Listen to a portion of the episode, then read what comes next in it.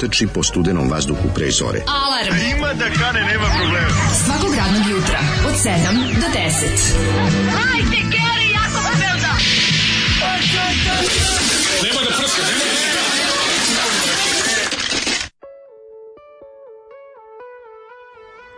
E, tako se radi, tako se zeza, tako se luduje, tako se sluša grupa Dolar iz Valjeva grupa Dolar, njihov besmrtni hit Rođen u Valjevu ja. E, ovo je druga stvar, ovo je single iz 87. Kraljice divljine ja, Znaš kako je dobar single, evo držim ovo, ne mogu oči da odvojim od njega To je ja. tako dobro, prvo sam pomislio iz duljinaka Ju, pogled Jugoslav Vlahović im radio Više izgleda kao da im Jugoslav Ćosić crtamo pa, Kad malo bolje približiš Naravno. Mislio sam na čoveka koji je radio većinu omota Bori Čorbi, on je lep tačkasti stil Zna, znaš, znam, Što je radio ilustracije za uglavnom... Što otišao inostranstvo, ali tako čovjek? Nije otišao inostranstvo, ne Što je ostao ovde? To je ono što ostao, oni, oni stari, stari čika baš baš onaj, znaš kako ne Znam bre koji je tačkasti stil, znam, znam. Znaš njegov fazon što radi ilustracije za sve ove e, leksikone i, i antologije e, da. Dragoslava Andrića recimo. Apsolutno. I, da. i viceve i ono, znaš, tačkasti lep stil onako. E, ovaj, kad pogledaš grupu Dolar, misliš oni su teli to, to da imitiraju, verovatno da izgleda kao čorba iz tog vremena, pa a malo pogledaš bolje, vidiš da vidiš da, da nema ne, neko baš nije, da nije bilo rapidografa u to vreme. Pa dobro, šta je bilo, bilo je. Ali, to iz... ne vidi da da divlji ritam im, da lji, divlji ritam ima, ima. ima, ima da ima um, to je zbog pevača da ima groove. Ima groove, ima groove. To je zbog e. pevača koji se na omotu potpisuje kao Max Full. Tako i treba. Ali kao ne Full kao budala, nego puno fulala. Pa Max Full, pa za, pa kažem ti smisli dobar ime pa kao ja... Max Power, kao sim, kao Homer kad i promeni ime Tačno, u Max Power da, i krene životom bolje. Apsolutno sam ubeđen da kon sluša neko iz Valjeva da će da nam ispriča gomilu stvari o Max Fullu. Pa naravno. Jer pa- kapiram da je lokalna legenda. Verovatno ako živi verovatno i dalje aktivan rock and roll. Ovaj čovjek kad jednom zadaje zadojen rock and rollom. Da, da, da, on je to popio s majčinim mlekom. To nema tu dalje. Znači da, to je s čime god je popio ima tu ovaj težinu, ima taj groove, meni se sviđa ovaj, što Senka Pantera je prati dok ide. Mislim, ceo je nekako kao da neko uzeo kada neki neko uzeo omot ovaj naslovnicu Tarzana koji crtao Kerac pa da je prepričava. Pa ja. tako pa sva je ono naš ono Sva je da ono senka pantera. Sing, senka pankera. Pa, vidiš singlicu koja je štampana u PGP RTS-u, ali u PGP tv ali ih je bilo sramota, da to izdaju pa nema logo, a to je sve ti jasno.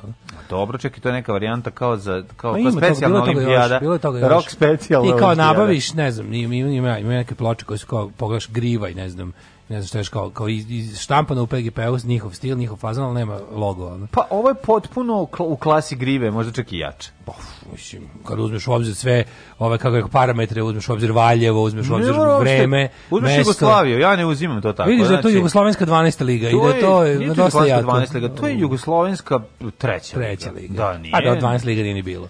Pa dobro, ali kažem ti. Treća jugoslovenska poznatija kao i ultra Zapravo prva nije. srpska. Ovo je jugoslovenska druga nije, rock liga. Nije, mlađe, nije, nije, nije, ovo ispod. Imaš bre po izdavačima se vidi najbolje. Ako ti mora sam da izdrži 87. znači da si bulja. A pa dobro, kretao si iz Teško je bilo i majkama stići iz Vinkovaca do Zagreba. Znaš kako, kad su došli kad su došli da razpregovaraju u prvoj ploči, kad mu je rekao, a Duspara da svirao gitaru, kaže, ovaj, jel ti Drozjak nešto ovaj Duspara futbaler? Isto svi, naš, svi ljudi teško prolaze. Kaže, pa niste baš morali celu grada. pesmu da nam pustite.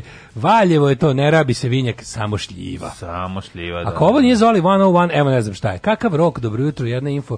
Čuo sam juče na podcastu se čovjek raspitivo za solarne panele i podno grejanje. Taj sam. Pa ako čuje sad, nek se javi na Community drugu dujketu. E, gru, gru, Odlično. drug dujke Community, tako zapamtite. Znači, tebe, tebec imam za solarne panele kad se odlučim. Da, Hvala. kaže, do kojeg je apsurda sve stigao Trump oslobođa dokazano krive ljude koji su njegovi pajtosi i sve cool. Koliko su otišli na glovački, sve šta đubre radi. Ne, đubre ono koristi zadnjih 10 predsjedničkih dana, popuštao sve neke baš on teške, teške kriminalci iz zatvora, on ima presidential pardon i sad ono što smo pričali Pušt, ranije. Se, šta pravi sebi ono bandu opasnih? Pa, kao ona crna guja. Ono što, kao crna guja kada ona ono skuplja najgore ljude. Ono što smo pričali, ono priču što su ovi stručnjaci za američki ustavi i uopšte da. pravo, to ono kao rekli mm. kao u našem ustavu je kad je donesen je sa sve sa svim amandmanima dosta to neke stvari su prepuštene na čast i i ono kao na ono što se naziva zdrav razum da, da. i na čast pod potpredsednika međutim to novo to se ne može računati ovog puta i ovaj kreten baš ono baš teške gadove ono ovaj pomilobava po Nađem, nadam se da će se izoli uskoro pridružiti porno Lali u nebeskom radiju studiju u kojem se e, Daško Mlađaša okupljaju na onom svetu. Dobar je Zoli danas, kaže ovako. Jak je bre, ima dobri. poruka što se tiče Zolija, marš.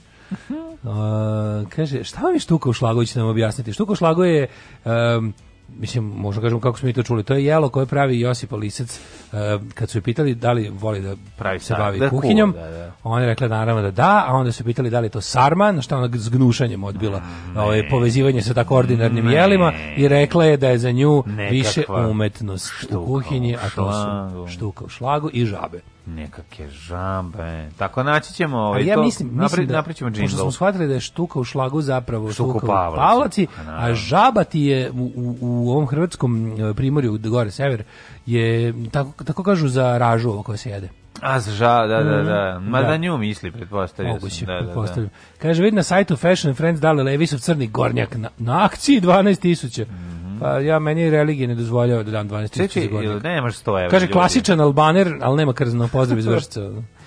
Ove, jako dobro, Albaner da ima ime, žaba, Albaner za jaknu je strava. Da nije žaba gradobina, nije, nego baš raža, jel? Da? Pa, mislim, kad ja kad sam jeo to, kao ima neke mm. jestive raže, jebi ga, ono. Kod mene jestive, ja ovaj. raže sve jestive kad se skine rep. I raža se jede, bez da, problema. E, pa to zovu žaba. Raža se jede dok je vruća. To jest, je isto pravilo. Jest. Dok, dok kuješ da. gvožđe, za to vreme možeš... Tako je, dok se grožđe kuje, onda za to vreme se i raža jede.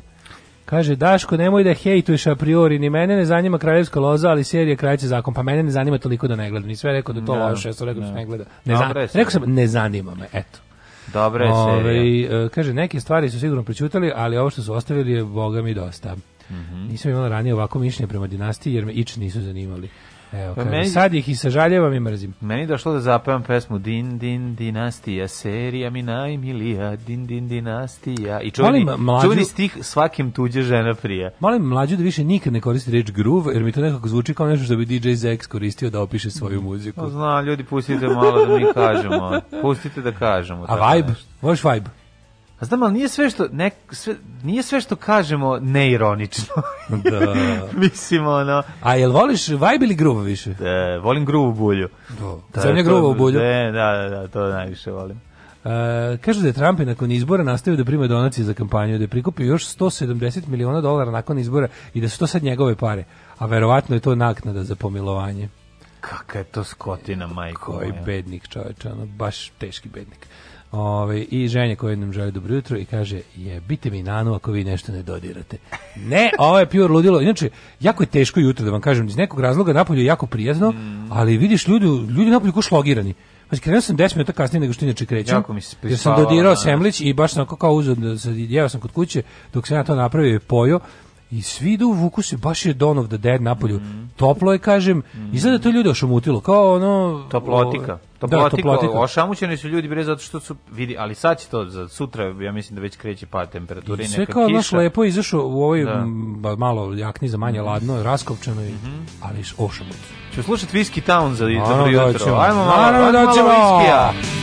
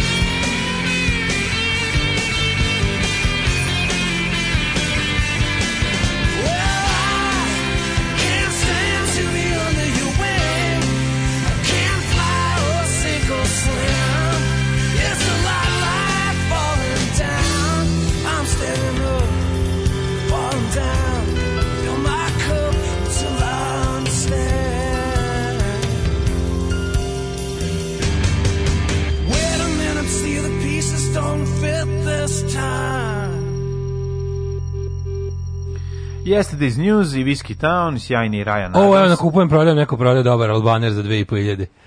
A, je li nov ili ovaj, korišten? Po, sad pravo ti kažem, ja rekao da da da da je slightly used. Aha, kako se zove čovjek? Mislim, je albanski nacionalnosti ili je naš čovjek? A jeste korištenje Albanera, ovaj, ja bih rekao da je, da je sad gledam. U, znaš kakav. A nije ovo je čovječe, nešto, nešto mi je čudno ovde. Sad ćemo uživo, ovu drugu sliku. Uživo slušamo kako Daško kupuje. kupuje i, neko nije, neću ne kupiti. Kupujem. Nešto mi tu nije, nešto mi nešto nije mi tu dobro. Šta ti nije? Nije baš Dogs of Berlin. Mada, ove, Jel Dogs of Berlin? Uopšte ni malo. E, pa Mada mi je ovaj, dosta, mislim da kako nije, nije ovo Albaner kakvog ja pamtim. No. Da. Ali milje na koje je prikazan, na koje je spušten da bi se fotografisao me dosta, mi je dosta gre srce. Je kriminalni milje. Da, kriminalni milje u pitanju. Mm -hmm. Kaže, žaba jeste grdobina.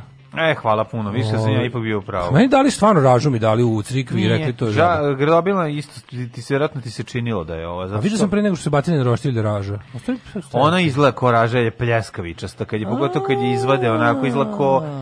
Ima moguće, moguće. ima glavuđu, sastoji se od najvećeg dela od glave i od tog... A ona smrdi od glave.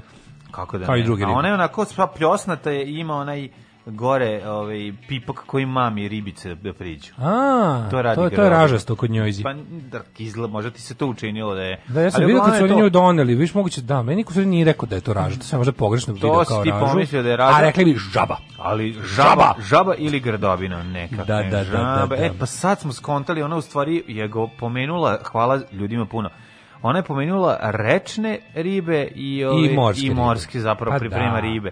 Pa ona ja se izražava umetnički. Ono. Da, ja kao nekakvu žabu, ona baš si... Da, zato sam ostao neshvaćen. Kaže, Mandalorian je najbolje nešto iz Star Wars univerzuma još od Imperiju zbraći udarac. Snimaće još povezanih serije, u jednoj je Rosario Dawson glavni lik. Moguće je da će se posljednje tri nastavka koje niko ne voli izbaciti iz kanona, što se radi tako što se više jednostavno ne pominju u novim serijama i filmovima. Mandalorian je kao bojac, probajte. Gledat ćemo Mandalorian, je li to na Netflixu? Na čemu? Malandorian. Na čemu pa, se gleda? Ne, nije. nije, ne, uh, nije je, to ide na Disneyu. Na Hrvatskom vijeću to ide, odbrane. Uh, nije, to ide na Disneyu, e sad ja ne znam kod, kako to kod nas. I može valjda kod nas isto Disney se uzme, ali tu su uvek popularni The Torrents. Na Disneyu neće The Disney. The Torrents of Lies and Deceit and the Fraud. Kaži ti meni... No ovaj um, razjevavanje police iz 1974. Oh, znači, da li si našao nešto? Našao sam pečat uh, ove šipad. Pečat, ne, pečat proizvodnje Iverice Kopaonik, kao u životu nisam video. Iverica ja sam saznao, razgovarajući sa starim majstorom, da je mm kao da je nekada u SFRJ najveća proizvodnja iverice bila na Kopovniku ha, i da, da je to žig da, da, da, zapravo da, da, firme sa Kopovnika. Moguće da su oni bili prodavali sirovinu za ostalim fabrikama nameštaja. Mislim kao go, taj materijal od kog bi onda oni uobličavali u svoje stilske komade. Pa ja mislim da su tamo i pravili. Znači, Aj moguće i to, da. Ospravno, nisam tako. Pa znaš da ima ona varijanta iverica, taj kvalitet iverice se, ovaj, pazi, kvalitet iverice, pričamo zaista mm, postoji. Mm, mm, postoji. Ne možeš da teška je kao kao ne, ne. ima raznih gustina. Imaš ivericu koja je teška kao puno drvo. Pa da, imaš tako takozvanu pregustu, imaš malo gustu presuje, momačka. ima ona iverice za napred i iverice za gore. Ne znam koliko si, kad si posljednji put išao to kao dole Srbija, ono malo ka istoku. Kad pa- sam, pa, pa nisam, kad sam išao na Kosovo kod drugara. Ali ne, malo, malo off the highway, off the beaten path, što bi se reklo. Kad odeš malo, ovaj, skreneš po ne. tim nekim, ono, Znaš kako stoje te, te, ovaj, put kad sam skrenuo, te drvne, fab, te napuštene drvne fabrike su da, tako tužne. Jesu. Znaš, ko špica dobar, za Twin dobar, Peaksu, no? Dobar početak od nekog horora. Pogrešno skretanje, da, Twin da. Peaks, da. znači ti onako ideš onako nekim lep, lepim, mislim, drndav, ali lepim krajolikom, nekim magistralnim putem i obično je tako uz neki klanac reke, neki mm. kao kanjon, onako rečice, jer bi stajale te, ono, pilane velike da, da, i te da. drvno prerađivačke i sve su ono nijedno ne radi, znaš kako to grozno, ono, da Gro, vidiš mrtvu državu. Pa ono. da, s jedne strane ti je ono drago što više se ne uništava ovaj, Šik drvo. Koponik. Da, e, šta, kako se zove? Šik Koponik. E, pa to.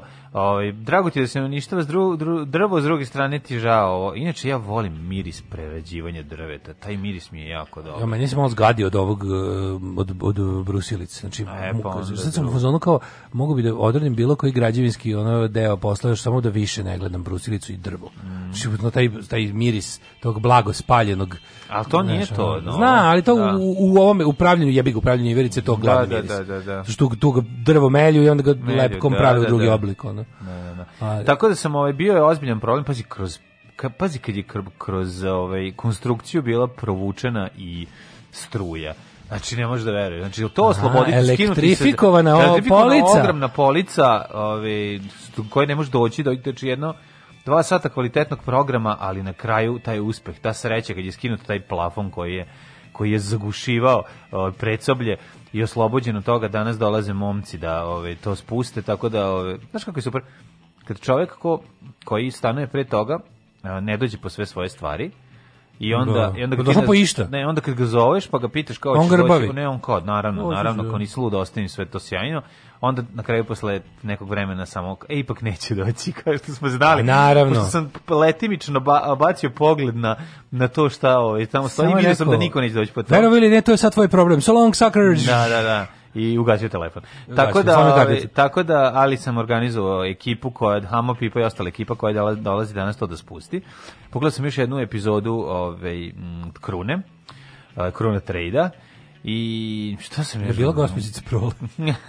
Nije bila gospođica Prole, ali ovi, ovaj, je interesantna ove ovaj, serija. Mislim zanimljivo je zašto ako si istoričar voliš to, mislim i ti bi to voleo, bilo bi ti zanimljivo. Sad ne znam zašto ne izgledaš. Sad sam ne, imam, imam druge stvari koje su. Može bi A, pa ovo kad bi ono pre. A hoću Mandaloriana da gledam, to moram da pogledam. Pa sam, pa onda to Kaže Disney još kod nas ne može legalno, znači Torrenti, torrenti. Pa dobro, torrenti, torrenti. Nego si me sad setio to e, kad si mi pričao o tim e, o etiketi na drvenim starim da, stvarima. Da, da. Znaš kako sam ja prvi put video Kupio bio... Da Sima Pogačarević Simpo, kad sam se zavukao ispod kreveta da snim spot. A. A ti izbežao od, od, od, od, besnog muža, zašto si bio pod mm, krevetom? Pa bilo i toga, ali ovo je bilo drugčije. Nego je bila fora što... Ovaj, kako ja sećam, sam svog, skoro kupio. To sam ti kaže, kako se ja, kako sam ja bio srećan. Pa tu su tako neka otkrića koja je prosto... Kao što, sam sad srećen, što sam sad srećan što je sam saznao da je žaba zapravo... Grdobina. Grdobina, iako sam pretpostavio da je to. Kao da sam da. nekad pa ja, negde čuo. Da, kao da sam nekad negde čuo, ali, ali ono što nisam kao klinac znao, uopšte, ni ceo svoj život do neke 30. godine, ja nisam znao da je da, Simpo Sima skraćenica Narodni heroj Pogačarević. Da. narodni heroja. I kad se to pročito, Sima Pogačarević, Samo se sklopilo. Ali oni se to to se to se tek tamo negde početkom 80. ih Prekidajte snimanje, stop everything. Imam pa ja imam otkriće. Imam da. saznanje. On mora da. svet da sazna. Pa trebalo bi. A da, da, to je tek negde ranih 80-ih postalo, znači pre toga ja bilo. mislim da ni ljudi iz Vranja ne znaju da to znači da Simon Pogačar. Pa stari znaju, da. Pa mlađi ne. A sigurno su ga razmišljali. Simpo samo tako. Sigurno su mislili da Simpo zapravo privatna firma u vlasništvu onog čuvenog Dragana Tomića. Sećate tog lika, onog je i da, da, da, I taj Dragan Tomić, on i onaj kad su bile neki bio ni džingl za, za kao za početak reklama sam pa na dva jajeta što što lepe plakate sećaš se kako je to jako bilo? kratko je da, bilo ta da. nije to bilo e, kratko to je bilo dosta to da. kratko bilo govoriš godinu dana što da. je za jingle da. na RTS jako kratko da, da. ovaj tu su meni bili Nikola Šejinović i, mm. i, i, i, i ovaj Dragan Tomić i Simpa ta dva jajeta ja sam mislim da njima napravljene ali mi je fora što obožavam kad skoro, skoro sam kupio to kao za gore sam kupio neku, mm, tražio sam sebi neku tu kao komodicu, malu mhm. policu, mm -hmm. vidio sam da novo, ne, to što meni treba novo ne postoji prevrteo sve te proizvođače nameštaja, te sve znaš kao pa Viktorog i forme dale Ikea. Nemoj to što to što meni tako kako zavisno. Nije bilo. Pa jedno onako jednostavna. Ti si zamislio nešto kad jednostavno, si video. Da, da, kao nešto, dete, nešto, što mi se sviđa da, za da, da, da. kao i onda sam kao daj da vidim kupujem prodajem i nađem odmah i mm. nađem novo naselje, odem da kupim. I sad kad sam kad sam stavio kola na skroz donje i ona isto nađem to old school etikete. Ti skonto da tu, tu se razmišlja čovječ, to je sve te etikete su imale deo da pisan kucaću mašinom. Uvek da, da. To mi je da. bilo genijalno. Yes, yes, da kao deklaracija, deklaracija. da namešta, lepo, što imali vremena, nisu, nisu to pravilo. Deklaracija o neizvesnosti. Nije išlo u milijardu primjeraka, pa su imali vremena da za svaku iskucaju. Ono. Dok ovi prave, ova iz birokratije išlo kuca. To, išlo to milijardu pa, Išlo li svak, svaka je bila, to nije fotokopirano. To je pa svaka. Pa nije, iskucana je, da. Znaš, da, vidiš da je svaka iskucana. Proizvođač kad je napravljeno. To, mi je, da, to mi je potpuno fan. Sastav, dizajn, znaš, kao, pa to, tako bilo slatko sastav nepoznate, dizajn nema. Da. Tako piše. Ka da, ja sam juče isto ovaj nastav malo sam gitovo sam juče. Mm -hmm. Bagavat gita je pa ovaj Gito i Gito i Gito, gito, gito i daška ne. ne, znaš kako dobro bilo. Pa prozore ove ovaj, da, to sad su ovaj Gito si prozori ispraćao brodove. Da, to je ovaj mater kupila pogrešano, ali za radio posao. Zapravo sam stavio stavio manje više običan silikon umesto gita i radi posao. Samo što mu treba duže da se suši. Ima se kupi taj kao, znaš Pa da. u obliku oni nije to gitko kad smo je bili kupiš plastelin pa se igraš nema to onaj miris ja sam obožavao taj miris gita pa si kupio sam ja i taj kad sam kao imaš taj dones malo imam dones mogu da sam treba doneti kesu koš pošto ničem ne pa ne treba. a to će se to će ti se za neko kratko vreme pretvoriti pa, u kamen ako da da da ali dok god je vlaga prisutna on on je kao neki neka vrsta go, postelina od govana jeste da da da, tako ga izavu da, da, da. govnolin i onda kao znaš kao stavili taj ono ovaj Kako ali nisam čoče miris se ti ono Da, miris gitara da te boli da da da da to je bilo i ovaj i tako, da, mislim, onako baš je e, teški, to je briko brikonseju, radi sam se nastavlja. Mm -hmm. Kaže, Daško, ga pregitovo? Nisam pregitovo, tamo sam zagitovao koliko treba. A ste uspeli da, da, da, da, da da nabavite te radijatore norveške, će biti nešto? Uh, da, uzet ću. Spustili plafon, Inače, da, treba da, napravili galeriju. Treba da dođe ovaj, onaj pečkar što je, što je procjenjivaće da dođe u utorak da radi. Mm -hmm ali mogu ti reći da kad dobro juče bilo juče bilo ovaj znači kako tamo ladnije nego u gradu u gradu juče bilo je 15 stepeni mm. tamo bilo 9 u najtop najtoplijem delu dana a unutra kući a šta je uspeo da nije uspeo se da nagrov na 23 Bravo, samo sa, samo kako? sa ovom kaljevom Stvarno. A bi što je bolje kad se ona pročisti. Pa čekaj, znači ne treba pećkar ili Ne, šta? treba je, treba pećkar mora da napravi da bude ono da, da, da. to isto postiže sa manje da drva. Izduva pa da, da postiže manje drva i kraće vreme, mm. ali u svakom slučaju trebaju mi ti uzični Norvežani, zašto kad dođeš da jebi ga. Ma, da, kad treba doći da se brzo ugreje. Pa da bude brzo, dotle ako ovo preuzme ti onda ugasiš. A možeš jedno pitanje, sad možda zvuči ovo najviše. Sve sam proučio, znaš kako su ne, ljudi, da li mogu Norvežani da se e, preko SMS-a pokrenu? Uh, kako to mogu? Nimaš da ih nazoveš da se upale. Da, da, da, ima, da. Pa ima, to mora to obavezno uraditi. A znaš koja je super fora? Ne moraš da kupuješ, ne moraš da kupuješ e, spravu koja to ima, nego kupiš Jacksona. Čoveka kupiš, koji dođe u da. ključ da, Kupiš Zamariš Čikajovića. Za litru rakije. Zamariš Čikajovića za litru rakije da ti to radi. Njemu pošli pošliš SMS. Znaš da kupiš za 1500 dinara Wi-Fi utikače. Znači samo ga kroz to uključiš i onda je Wi-Fi je ovaj da. na utikaču i Dobre. samo ga na, na preko ovoga pošto moraš tamo da imaš net, a imam, onda da. ga preko aplikacije pališ i gasiš preko telefona. Znači super, bilo koji uređaj sad možeš, bilo koji uređaj hoćeš da. ti da ti radi, možeš da ga uključiš preko Wi-Fi utičnice koja je neko što nije 2000. Čekaj, to ne, super je fora. To je ono kao kuć kako se zove ono što imaju. Pa da mislim. No, obično štekeri da, da, da. kao kao lopova onaj za. Mm -hmm. Samo što ima dodatak za Wi-Fi, malo malo veće budžet Mm -hmm. I to ti je ladno, ono kao možeš sve na to da pališ i gasiš dalje. Pališ ga na net. Mislim, pališ ga na net. Samo bitno tamo da, gde ima net ima internet. interneta, da, da, da. Da, super je. Znači litra rakije čika Jovici više ne. Ne, sad to da, smo da, prevazišli. Da, da, da. Konstantno loženje na stare stvari. Sad je jasno što su nam domaće maturke omiljeni sajt. Ovaj odna špica Mandaloriana odlično predivno nacrtani kadrovi iz epizode, Daško bi se to svidelo barem. Ovaj mlađi Džafer koncept ili čovek? Džafer je čovek. E, pa mislim pa, kako bi čovek koji je postao koncept. Pa koncept je zato što ih je više bilo, znači nije to, to je ovaj to su burazeri koji su držali popularnu poslastičnicu tvrđava zapravo, budicu koja je i dalje stoji. Kaže, pored, misliš pored na ono, progresa, odnosno pored 13 osmrtnice na limanu. na malu prodavnicu kod dečije bolnice? E, ja ne znam, kod dečije znam na koju tačno misliš, ali ne znam je to deo Džafer franšize. E, ne, ima one koje su iste, mora se jedna stvar da kaži. Ali imeni kiosci koji... Ima ki, limeni kiosci koji podsjećaju jedni na drugi, čak su negdje neki identični koji su kupovali, ali ne, Džafer je samo jedan, ovaj, drugi deo porodice, Ekrem, koji je najpoznatiji Džafer. Njega su nogirali iz menze. Ne, Ekrem, popularni Miki, je radio 80-ih tamo sa još jednim burazerom. To su vjerojatno burazeri od strica, koliko se nas da skontam. E, moj dede je jako dobro poznavao njihovog oca, bili su, može se reći, onako dobri pajtaši, a držali su ovaj, tu budicu od 80-ih, ne znam, 70, ne znam kad je, vjerojatno početak 80-ih. Inače, jedno vreme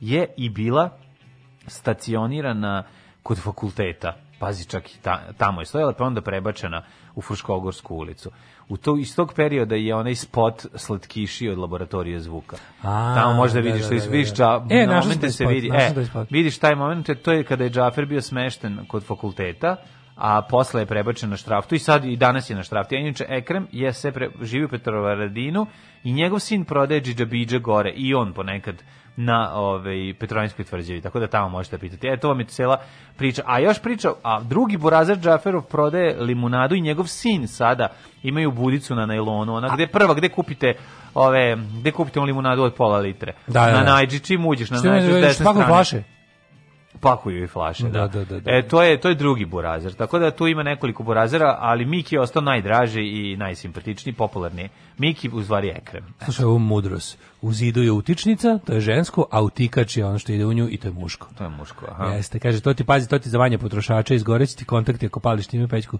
Ne, ja mislim da može... Ove... Ovaj- ne, ja ću to isto da kažem. Da, to ne, sam ima, ima, ima, ima, zato ima različiti, različitih cena. Ne verujem da mogu baš da kupim taj najjeftiniji da s time prođem, ali ima koji je i za jače potrošače, kao malo bolje. Zato ti kažem, ono malo za, za pećke... Neće baš biti 1400 dinara. Možda bi za pećke će... bilo dobro da, da uzmeš taj sa tim, sa SMS-om to što taj budž ceo koji ide. Pa ima to da ima. Da, Mislim da, oni da. su manje više nije to neka sad onako ima ima i sa e, ima taj isto su bacio sim kartica. Sim kartica. Pa a da. ima ne potpuno to nije nije do toga. Nije do toga. Fora je do koliko je pa, ono kao koliko su napravljeno kontakti, za... koliko je kvalitet.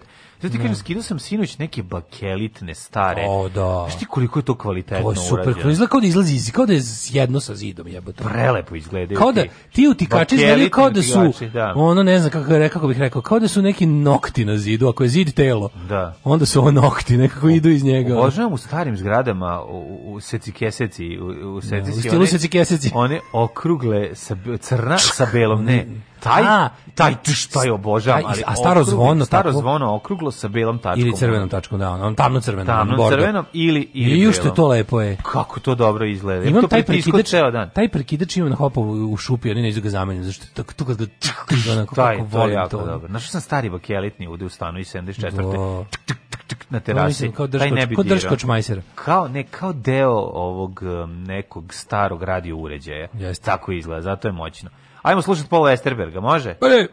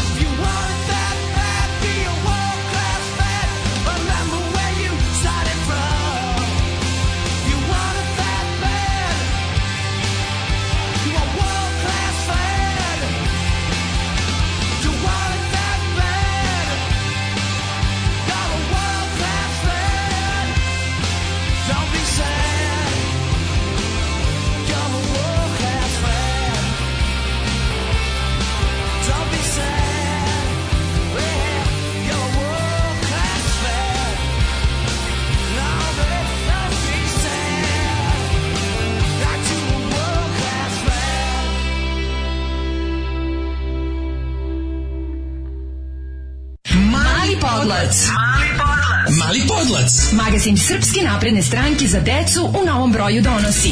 Ekskluzivni intervju. Obdanišni koordinator Luka Stefan. Opozicija je produžavala spavanje, a mi igranje u dvorištu. Uvlačenje za najmlađe. Aleksandar Vučić, lider svake ekskurzije. Učani drugare. Sačuvaj roditeljima posao. Mali podlac. Samo probaj da ne uzmeš. Mali podlac. Mali podlac. Mali podlac.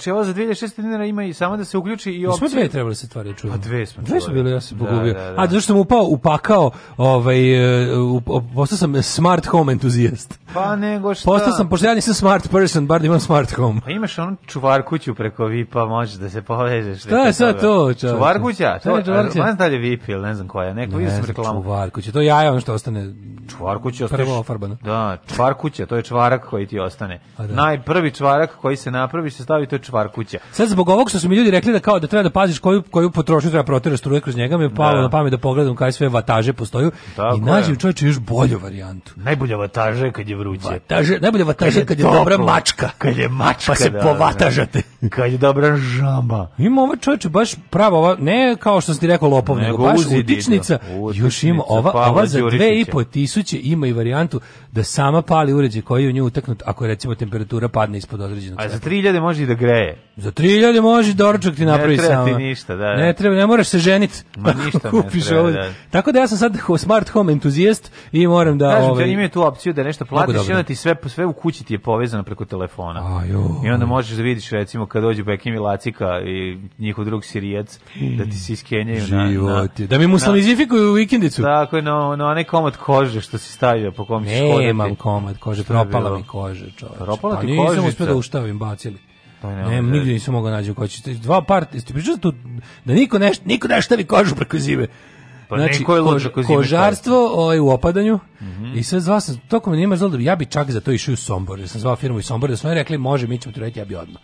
A znaš da je Sombor, znaš da je Sombor. U tem znaš Sombora, da Sombora nema puta. Sombor ima dva i po sata. Ti znaš da Sombora nema puta. Dok, da do Sombora može samo helikopter. Kad idem od Kiceta tamo, dok da, ne stigneš da. do Sombora, A i ođaci, da. se. Da, da through da. the chimney. Through da, the chimney. Through the stacks, ođaci, da. Međutim, kad sam zvao to da pitam da li neko hoće da mi, da mi uštavi, Svi su bili u fazonu. da sladale, malo se o... Svi bili u fazonu kao vidite, kao mi smo zbog kao smanjene potražnje i svega, kao vi što se bavite time, su št, ištavili šta su ištavili za ovu sezonu i sledećih mm -hmm. to su neke silne hemikalije trebaju plus da. treba da imaš uslove i te tankove neki mm -hmm. baš onako je bada i kaže kao sledeće stavljanje tipu u februaru martu tako da i to kad sam pozvao 3 4 te kao kožarske što je zraka po kožu su bile u fazonu pa da sad, pa ne zato mi ne treba da nastupam sa Mayhemom u u Norveškoj 91. nego mi treba da, da stavim lepo na podu. A dobro, može nečim da se, kako se, može zamrzivač da se stavi? Ta pa je, bi kako je mnogi zamrzivač, da, da meni, da, da, pa mi, da tamo, da mu gostuje, da mu gostuje moja kožica. Pa pomerite babu, postavite pa e, kožu. E, pa od čega da platim onda to stavljanje ako ne dignem babinu penziju? Ako ne koristim smrznutu babu, da pla, čega da platim to stavljanje? To je perpetuum mobile, čoveče. To je, mislim, to, ili, to je vrzino kolo. Da, da, da. I možda radi samo bez gubitka energije ili babe. Dobro. Ove, um, kaže ovako. Uh, ovaj Johnny Cash Blues me podsjetio da ste nešto pričali o The Guel albumu Zezi Topa. Ljudi, to je pretvarno dobar blues album. Jeste, Ovo sam i rekao. De Guelo sam ga ja malo otkrio 40. godine, no, dobro. Brutalan album, bre. E, danas je Lemidan. Danas je ovaj rođen, da, da Lem, Lem je rođen, danas je 24. decembar. Molim te, spremi nešto. Spremi ću od Motorheada Shine ili ne znam, nešto ćemo, ono... Ove, chase is better than the catch, nešto ćemo već namestiti. Kolega u COVID bolnici u Zemunu, ali sad je već ok, otvara medicinskim sestrama boce s kiselnikom, nabacuje se, to je dobro. Ne, dobro je krenulo, ne, da. krenulo je, krenulo, tapa se led. To je kao kada dobri konobarici zameniš bure ovaj, pive, da ne mora ona da nosi. Jo, pa, se, si. pa je malo namigneš. Namigneš, a ono... To je ovo kao, drago, ćeš da ti ja to sredim. A čekaj, možda. mislim, to, ma, to jeste velika stvar. Mislim, to uraditi bez da se oznoji što ne može niko. Može, bre, tehnika je u pitanju, nije bitna dužina i snaga. Ako možeš, ja a moraš i celu skalameriju, ako ćeš da budeš full gentleman, pa, i da ga doneseš, da i da instaliraš, i da povežeš sa CO2. Pa nećeš ti da im povežeš, ti trebaš, CO2 je namešten, a ti u CO2 je teška boca, ali ti bure samo da zameniš i to je problem, treba donet dogurati ga i onda ga zameniti, imate u par nekih fora pritisaka nauči se, mislim, nije strašno, sad nema pravimo toga nauku, ali dva, tri puta uradiš pa skontaš, ali treba doterati, da treba snaga za dovući veliku, pogotovo ako je velika, ako je malo bura i nije problem. Kaže, znači, kupio sam Levis Gornjak, nema krznu rukavima. A na. Da. Vidiš, ima tu raznih škola. Hoćemo bre u prošlost. Može, ja mislim, ja ne znam za ko, za, za, za mislim da u rukavima, je uvek bilo u rukavima. Ja se sećam da je bilo dve varijante, ja stvarno sećam da je bilo bez rukava. E sad, da su da. jedni tvrdili da li to, kažem, nije da li to svedoči o originalnosti, nisam siguran. Ne, da Možda ne. postoje verzije sa i bez krzna pa rukava. Pa da, pa da. da.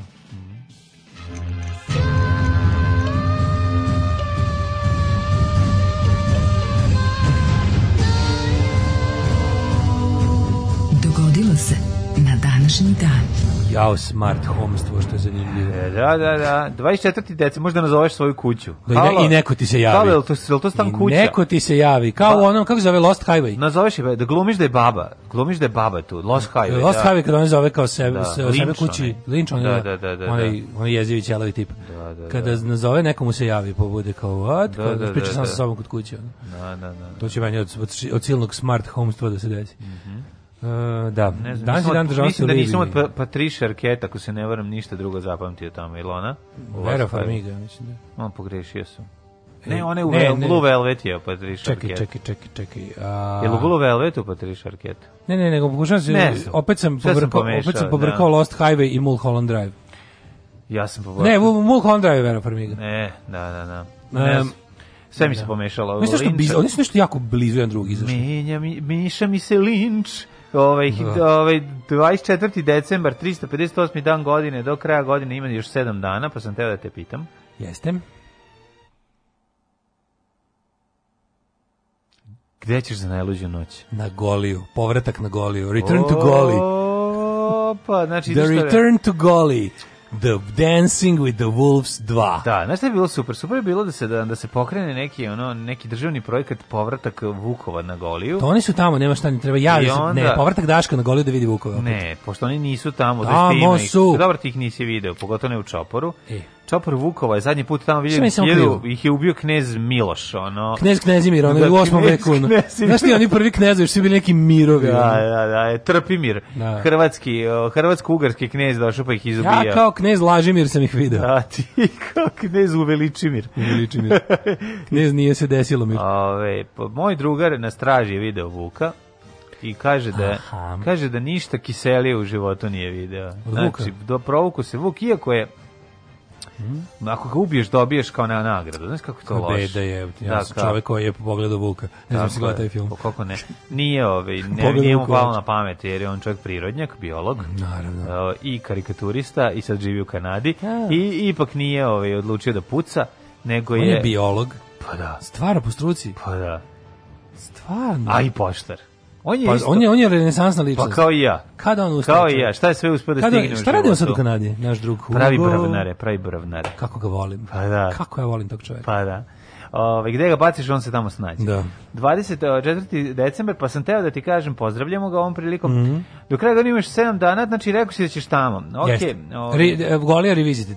Na Goliju. I idem tamo i da se... Hoću onda, hoću onda četiri, ja ću tamo da se izgubim namerno, planski, mm -hmm. da bih Mm. Šta uradio? Da bi me Blitz tri dana razlačio po novinama, mm -hmm. gde ću ja stalno dopominjem da kako se vidi Vukove i konačno ću da ovaj da to će postati opšte prihvaćena istina. I ti ćeš photoshopirati. To će postati prihvaćena istina. Reći ću poneo sam okreću od kuće, napio se i video Vukove. I to ne Vukove, znaš, one kanadske što što izgledaju stvarno kao sa sa spotova ne prelepe, sotsko metalaca. One nordijske pa Vukove. Pa te, da, da. E, ne, ove ovaj naš, naš. A stvarno naši Vukovi malo su ko neki izgledali psi ponekad. Pa ne, neki nego tako izgledaju. Izgleda ima neki primjerak koji su malo. Ima onaj Vuk ali oni okupani vukovi, pazi, sve te filmove, oni, sve oni... prirodnjačke kad prave kao do vukovi, čopor vukova. Da izgleda Krči, znači, fancy, dovedu svi te. su trenirani, ti do, da, lepi, razumiješ, da, da bi da. tako izgledalo i da možda ovi, da Ovi obični što ih može vidjeti po Srbiji, ti su onako malo koji Srbija, jebi ga. Ma taj mali, taj, to, taj, taj, valja benzin, taj naš da, mali da, vuk, da, taj, taj, taj ti vukovi, naši domaći ili valja benzin. Taj ne lovi, taj izdogovara. Ili duo, duo lepak. To je Vuk govara. Da, da, da. On se ugrađuje. ugrađuje to je srpski Vuk koji se to A pa ne nešto... ugrađuje se bre ništa, on dođe nešto pa ono. A taj bre ne lovi, taj, taj ne... uđe ono, uzmi šrafci obije ti, ono kokošinjac, juga, objeti juga i uzmi ti alat. I ti u kod akumulatora pa da uboje toplo.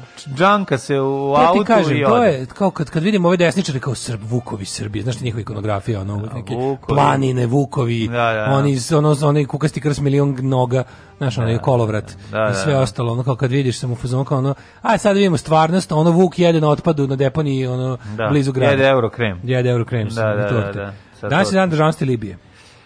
Benitek istorije počinje 1777. Ju, Imaš nešto bolje. Svašta. Izvolim. Imam 640. kad Ivan IV. podrijetlom iz Dalmacije izabran za papeta. Mm -hmm, mm -hmm. Pa 1046. Mhm. Ivan IV. Dalmatinac, tako ga zovu. Da, Domovine četvrti od 101. Mm -hmm. uh, 1046. Suidger postao papa pod imenom Klemen II. Mm -hmm. 1294. Benedetto Caetani postao papa pod imenom Bonifacije VIII. O, da, danas je postao papov. Da. Danas je, da, the day everything became mhm, papa. Mm -hmm. Hoćemo slušati Antipop od Emda. Može. Uh, 1777. James Cook je otkrio Božićno ostravo, današnji Kiriti Mati uh, i Kiriti oca uh, i Kiriti celu familiju. Hoću da ti kažem da je, u zavisnosti od toga ko je tada bio na vlasti ili koga su oni voljeli, koga su im pisali, ili koji datum je bio u crkvenom kalendaru, tako bi nazivali nešto što se otkrije. Pa Pošto je o Božiću otkriveno, Božić na, o, bo, mislim, u oči Božića otkrivena, pa se onda i na... Što se zove Badnje ostrvo? Pa da. Badnje ostrvo, nego me zanima nešto drugo. Ja sam mislio ovo Božićno ostrvo zvuči kao nešto što bi oni izmislio ja da, da se sprdam sa Uskršnjim ostrovom, za koji svi znaju. Da. 1840. SAD i Velika Britanija potpisale mir u Gentu u Belgiji, otkončaši rat početi 1812. Da, to da pričamo, to je taj rat u kome je čak ispaljena Bela kuća. To je drugi rat Amerike mm -hmm. i kolonija. To je, Amerike su već proglašene SAD, koja je tu već imala 3, četiri predsjednika. Tako 1838. pod pritiskom Rusije politički protivnik u Srbiji knez Miloš Obrenović prihvatio turski ustav mm -hmm. i ograničio apsolutno sopstvenu vlast. 1865. u mestu Pulaski u američkoj državi mm je osnovana rasistička organizacija Belaca Ku Klux Klan. Da, mesto Pulaski, 1871. Mhm. Premijera, grupa, ovaj, ovako, mm, Grupa Big Black je imala pesmu E, Kazimir Polanski King of Jews. Belih, A, belih muškaraca koji bi se oblačili u plahte, iscrtavali, bušili te iste plahte ovaj, i išli i plašili svet glumeći idiote. A se sećaš I da je, vrlo, vrlo užasna je organizacija. A se sećaš da je u filmu Godina zmaja, genijalnom filmu koji obožavam, da. Uh, droga, ona ogromna pošiljka stiže brodom Pulaski. Moguće. Ali ono što ja volim jako vezano, što sad kad se vidim Ku Klux Klan, uvek se setim Ku Klux Klan sa iz ovog um, kako se zove? Black Klansman ili iz Black, uh, ili ne, iz Djanga. Iz Djanga, znači koliko je to dobro. To to to li to. je moja žena napravila, pokaži malo zahvalnosti. Da, da, da ta mhm. rasprava, to je toliko genijalno, znači. E, a on da, znači, i, Black je, Black Klansman je genijalan. Ku Klux kad je osnovan 65. do tamo negde, on je bio njega su za 20 godina, pravili su ne velika sranje, to je bila onako jedna para vojska velika koja je manje više bila on kao nastavak ovih ludaka koji stali da ratuju za jug. I onih je, savezna država ih je raspičkala tamo negde do kraja 19. veka, skroz su bili ugašeni. E onda, revival njihov, e, tamo negde 1914. 15. 16. oko prvog svjetskog rata i posle njega. Tad je klan zapravo bio najmoćniji i oni su se oni su doživjeli ponovo snimanje organizacije, od tad se zovu Knights of the Ku Klux Klan. KKK 4K. Aha. Knigahc of the Ku Klux Klan. I onda je to sve dalje, mislim, oni su imali vrhunac svoj ono popularnosti tamo broju skoro do 2 miliona članova, oni veliki jezivi. 20 30. Tamo negde tamo negde ovaj u, u vreme prvog svetskog rata je bio taj veliki marš klana na Washington kad je bilo ono to jezivo kad pogledaš. Mm. Znači, u jedno jedno sigurno stotine hiljada ljudi u klan odorama ono u, ispred kapitola ono, nacisti bre ono. Kako to je al to je malo interesantno što je to zapravo pre pa nacizma pa pre pa dobro mislim to je naši. čista rasistički da. ali onda kada su znači što je tu što je tu suludo što oni kad su se rebrendirali kad su ponovo pokrenuli organizaciju ti južnjački konzervativni političari su tad još nisu imali uzor u ne znam Italiji ili ili Nemačkoj nego su oni pa, sami da, smislili ali oni su početkom ali su oni veka, dodali oni su početkom i dalje ono ne ne, ne oni su u svom rasizmu dodali antikatolici katolicizam da. i antisemitizam. Još pre, daleko pre ovaj što je to neku u Evropi Ali oni su linčovali, bili vešali, ubijali. Ne, to je radio originalni klan, to jest pa da. to, je to su radili pa su radili. Pa da. Nego ću kažem prvi originalni klan je bio samo eh, pro anticrnački, Anti, da, da. I pro konfederacijski onda u, u, reformisanom tom početkom 20. veka u, u drugoj deceniji su dodali da su protiv katolika, da su, da su oni white anglo-saxon protestanci. I dodali su an, antisemitski moment i antikatolički moment. Pre nego što su mogli da vide da se to radi u Nemačkoj. E, uh, 1871. zabranjena organizacija. Nije zabranjena organizacija, da, ne. ne. Da. Nijedna, Amerika, nijedna organizacija u Americi nije zabranjena u, kao udruženje građana. Mm. Ti mhm. možeš da imaš samo organizaciju koja, te, koja može biti proskrivna kao teroristička. Mm -hmm. Ali čak i teroristička organizacija može da ima svoje kao, da kažeš, ono, političko krilo. Samo onaj koji je prekršio zakon je zabranjen. Nijedna ideologija u Americi nije zabranjena zaštićena prvim amandmanom. 1871. Da. Premijera Verdijeve opere Aida održana u Kairu u mestu gde se i odigrava radnja. Mm -hmm. 1914. Nemački avion bacio jednu bombu na Doveru, prvo što je bio prvi napad iz vazduha da. u istoriji Velike Britanije E, a, šta su, šta su mogli da dobace? Britanci u to vreme nisu imali top za gore kojim bi mogli ga skinuti. Niko nije imao top za gore, da. nije, da. nije se znalo da, da će trebati. Svi topovi su bili za napred. Za napred. 1914. počelo Božić na primjer u Prvom svetskom ratu. Da, predivno. Znači ta, ta, ta scena gde kako je to strašno, koliko je to jezivo i divno. Ne. Da. Jezivo je zato što su nakon tog uspeli da nakon tog primjerja kada su i kada jedan nemački vojnik nakon što su krenuli pevaju božićne pesme izašao ono iz rova sa belom nekim čaršavom. Ne, bilo je proglašeno, bilo je proglašeno, dobili su oni već tada zvanično. To je bilo prilično zanimljivo kako je došlo toga. To primirje su oni... Bilo je svrha. Pa mislim da nije. Jeste, na taj jeste. način nisu očekivali da će to tako biti. Bilo je proglašeno. Nisu očekivali da će igrati fudbal, ona. E pa to neka, ne, cigare i Nije ono spontano došlo da, do da. izlaska, nego je bilo proglašeno mm. primjer je tri dana mm -hmm. da se ne znam šta i onda su u toj novobožićnoj večeri oni nešto izašli igrali fudbal, nešto podelili čak i klopu, koje šta i moza ili konzerve bio je božićni duh, otpevali pjesmice pa, i da. sutra nazad na ubijanje. Ne, i onda je bio problem, onda, bilo, pa onda ih je trebalo vratiti nakon te, ono, tako što si ih izbacio iz ubilačkog moda u Treba normalan vratiti, mod, da treba ih vratiti, to mi je jezivo. 24. Albanija je postala republika, Leka Zogu ovaj, postao premijer, a posle nekog vremena vidio da to ne ide, pa se proglasio sebe kraljem i rekao je da će biti ponovno monarhija. 1942. Na nemačkom eksperimentalnom poligonu u mestu Penemind, Penemund. ili Penemund, kako mi kažemo, izvršena uspešna proba nove rakete zemlja zemlja eh, F, 1 FZG-76, poznati kao V1, da. V1, kako mi zovemo. 43. američki general Dwight Eisenhower u drugom svjetskom ratu imenovan za komandanta vrhovnog štaba savezničkih ekspedicijnih snaga za invaziju na okupiranu Francusku. Ovi, naučnik nemački je tako završio ovi, ovaj, u Americi gde je radio na tako on je radio na raketnom programu da. koji da. je posle poterao Amere na mesec. Na mjesec. 79. Da. lansirana prva Evropska svemirska raketa Ariana 1, to je bio početak mm -hmm. Evropskog svemirskog programa. Mm -hmm. Završen bijeli put za Novu Bilu i Bosnu Srebrenu. E. Majko Milak, kako je ovo, kako Herceg Bosna Jezio. propaganda. 1944. U Novom Sadu izišao prvi broj dnevnog lista na mađarskom jeziku Saba Dvajdeša, koji Mađarso. u septembru 45. promenio pa. naziv u Mađarso, mađarska reč. 94. islamski teroristi prilikom otpice francuskog putničkog aviona Alžiru ubili dve osobe uzeli za tavce njih 239. Mm -hmm. 99. Mali princ e, proglašen za knjigu veka u Francuskoj. Mm -hmm omiljena knjiga manekinki pre pojave ovoga, kako se zove, alhemičara. Mm -hmm. 2000. tokom četvorodnevne pobune u zatvorima u Turskoj ubijeno 28 ljudi. Jezivo, ovaj, to je to. Alarm. Svakog radnog jutra od 7 do 10. Sa mlađom i Daškom. Alarm. Then I'm gonna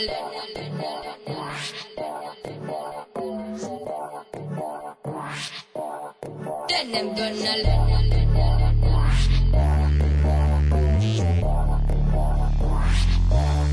Then I'm gonna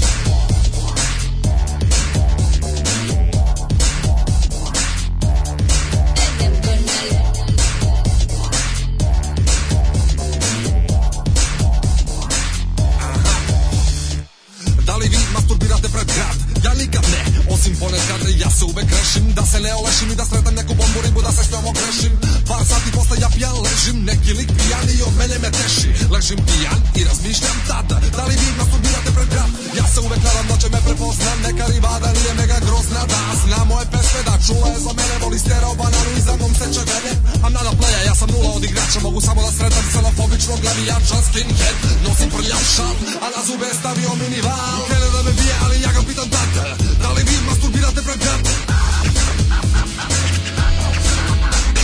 Krene da me bije, ali ja ga pitam tate Da li vi masturbirate pred prijatelj? Then I'm gonna love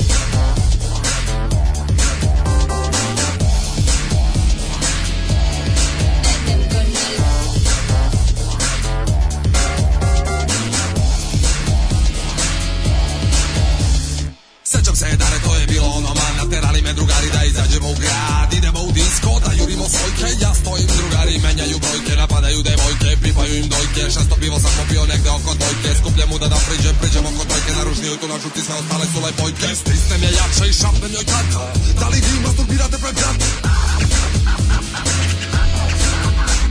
I stisnem je jače i šapnem joj tata Da li vi masturbirate pred brata? Denem Donald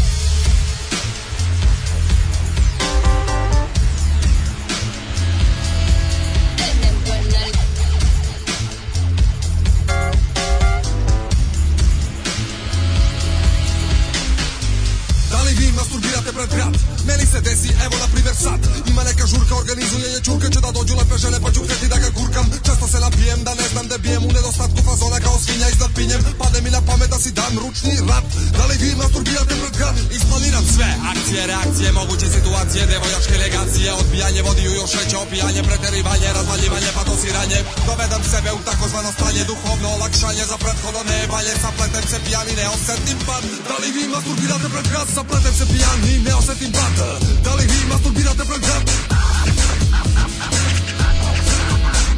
Zapletem se pijani, ne osetim blata Dalej mi ma podbirate programu Then I'm gonna love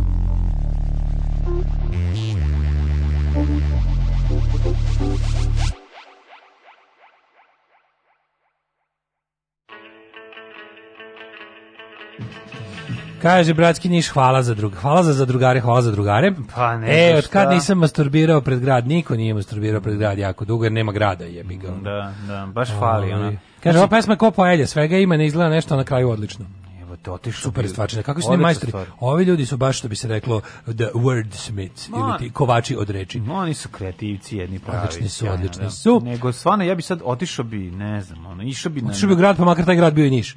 Otišao bi bre u grad da gledam, ne, ne, ne. Bi masturbirao pred grad.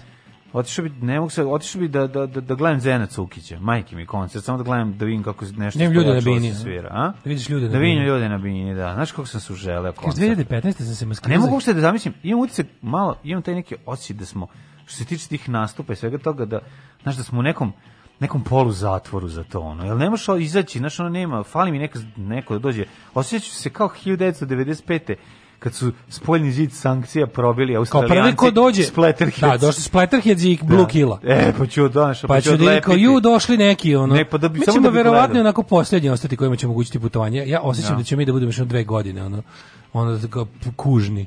Kad svi, ono, kad svi krenu nas, mi ćemo još da smrdimo. u Mađarsku da dobijemo vakcinu. Je, 2015. sam se maskirao za Halloween u KKK Belu plahtu iza jebancije, a na ulici me se letala masa, da se slika sa onom uz komentare, tipa, ne to, brate, ubi crnca, ubi cigana. Pa da, e, ga, da, da, nismo mi za zebanci u zemlju, da, da. daleko je to.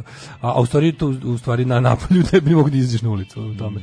Uh, Miru Gento se pominje u tabu. -hmm. Sad da vas prekida na 5 minuta, pusti sebi Killed by Death od Motorđeda. Pa nema potrebe, bit će Motorđeda asi kod nas. Pustit ću ja vama Motorđeda, nemojte da brinete. Kaže, dam ti ključeve od moje vikendaje number 2 na goli. Imaš čak i složena drva već za ogreve, jedino što ima Vukova i Medveda. Oh, Goli je dva blinkerova osveta. Mm -hmm. Sveta blinkera. Ove, ovaj, ja bih najviše volio da vidim povratak Vukova sa manjače nazad na manjaču. Mm. Lijepo je biti ateist, a još je ljepše biti hrvatski ateist. Ležim na badnjak, pijem kavu, uživam u dva glasa iz Srbije kojima je radni dan. Pa nama je rado e, da- danas da, nis... se ne čekaj, danas je banje. Danas je banji dan, banji dan. danas je Božić, ovaj većini čekaj, večeras većini je, kršćana na čekaj, svijetu. Večeras je banje večer, večeras je tuđman. Večeras je tuđman, nek se peče i okreće, ko jebeni ima sreće. Pa kako ne znaš to? znam to. Pa kako ne znaš da večeras naša, pa da. Pa tradic, sao krajiška pesma, tradicionalno. Večeras je naša večer. Da, a, ovaj, to je tako, je tako. Ove, neću pustiti nijedan zicer motorheški, ne, jednu, mlađa će da, da napravi a... foru koju se malo ko nada, odnosno da, niko. A ja ću dotle da te povedem put rođendana.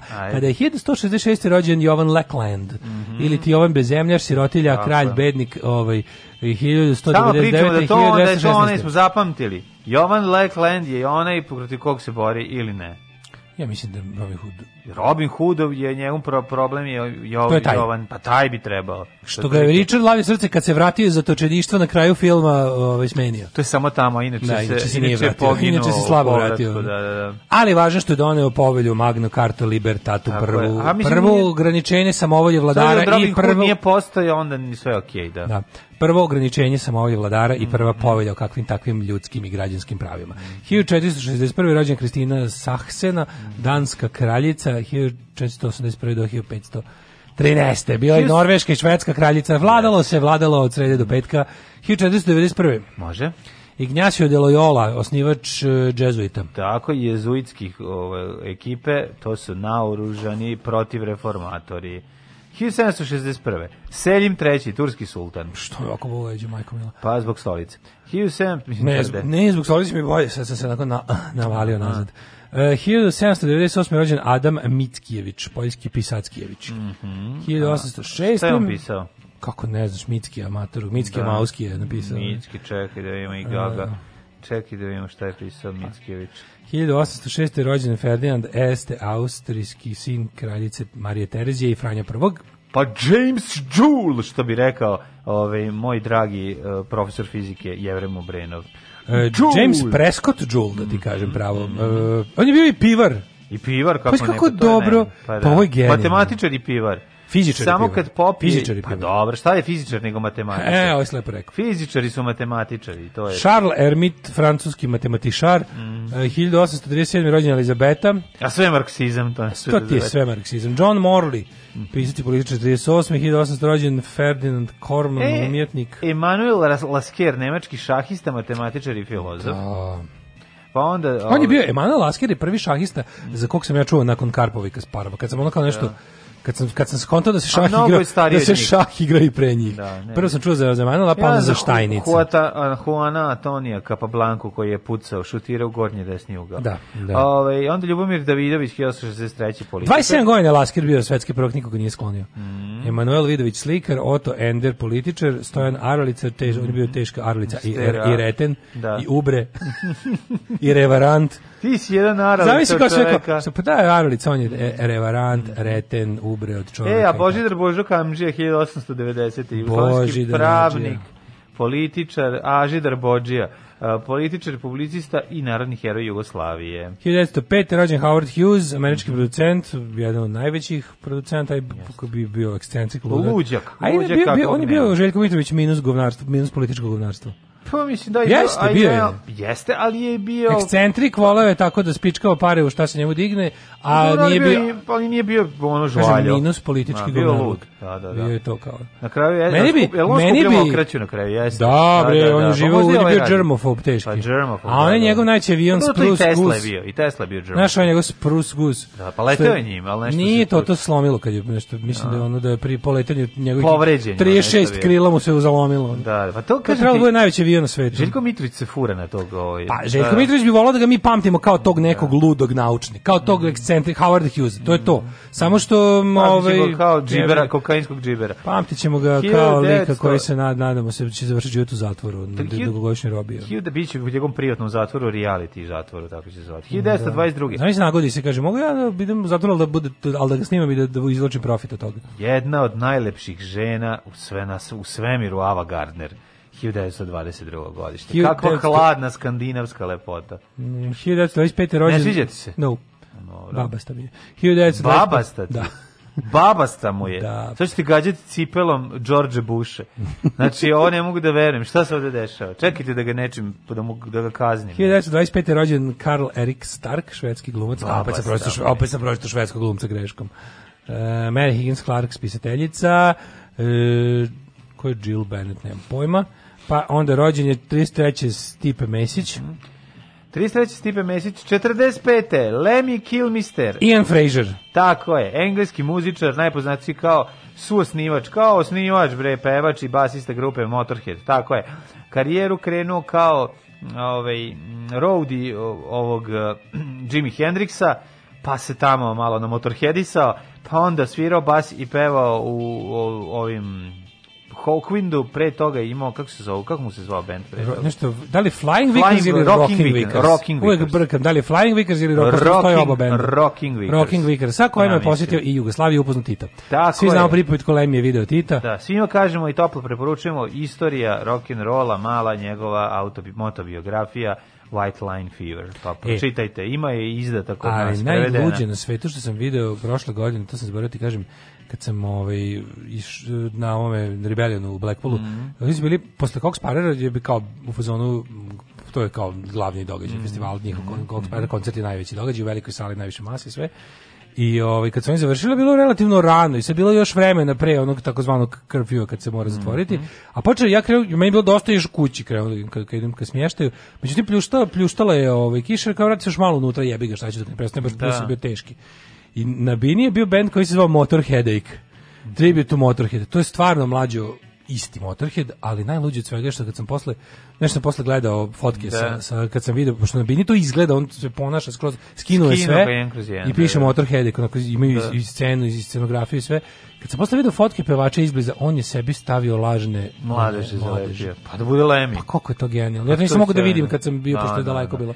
A kad sam posle gledao izbliza fotke Znaš zvanične da baca mladeže u publiku umesto trzalice. Pa bukvalno. Pa, da. Kad se vidio da pevač stavio sebi lemi mladeže da bi bio, mislim, to je toliko dobro. Prosto to niko, ne može, to niko ne može ni da vidi, pošto mu je prvi čovjek iz publike na 20 metara. A pa to ti kažem. Ali svaka čast, za trud. Ne kontaju da je, ovaj, da je grožđica u pitanju, dve grožđice za lepije. Da je zalepio dve grožđice iz, iz milke. Ovaj Ian Bur Burden iz Human League 1957, mm. Ricky Martin 71. E, neka je. Livina libidela lokala. Svi znamo kad da. je jedan došao kući ranije s paštetom. Ricky Martin, tako i Kerom paštetom. kamerom.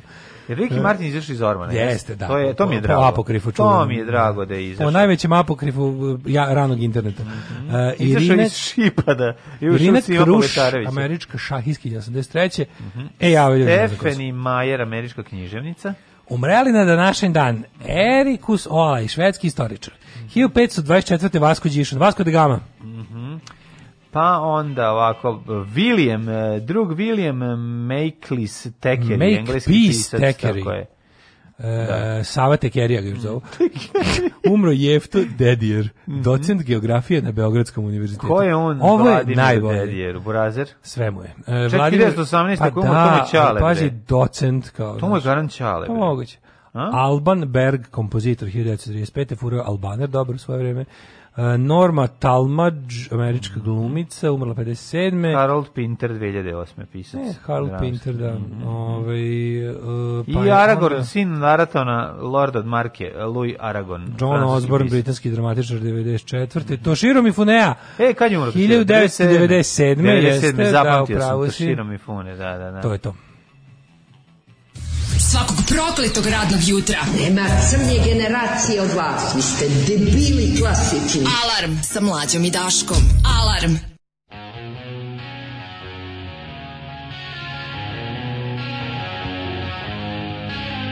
Thank you.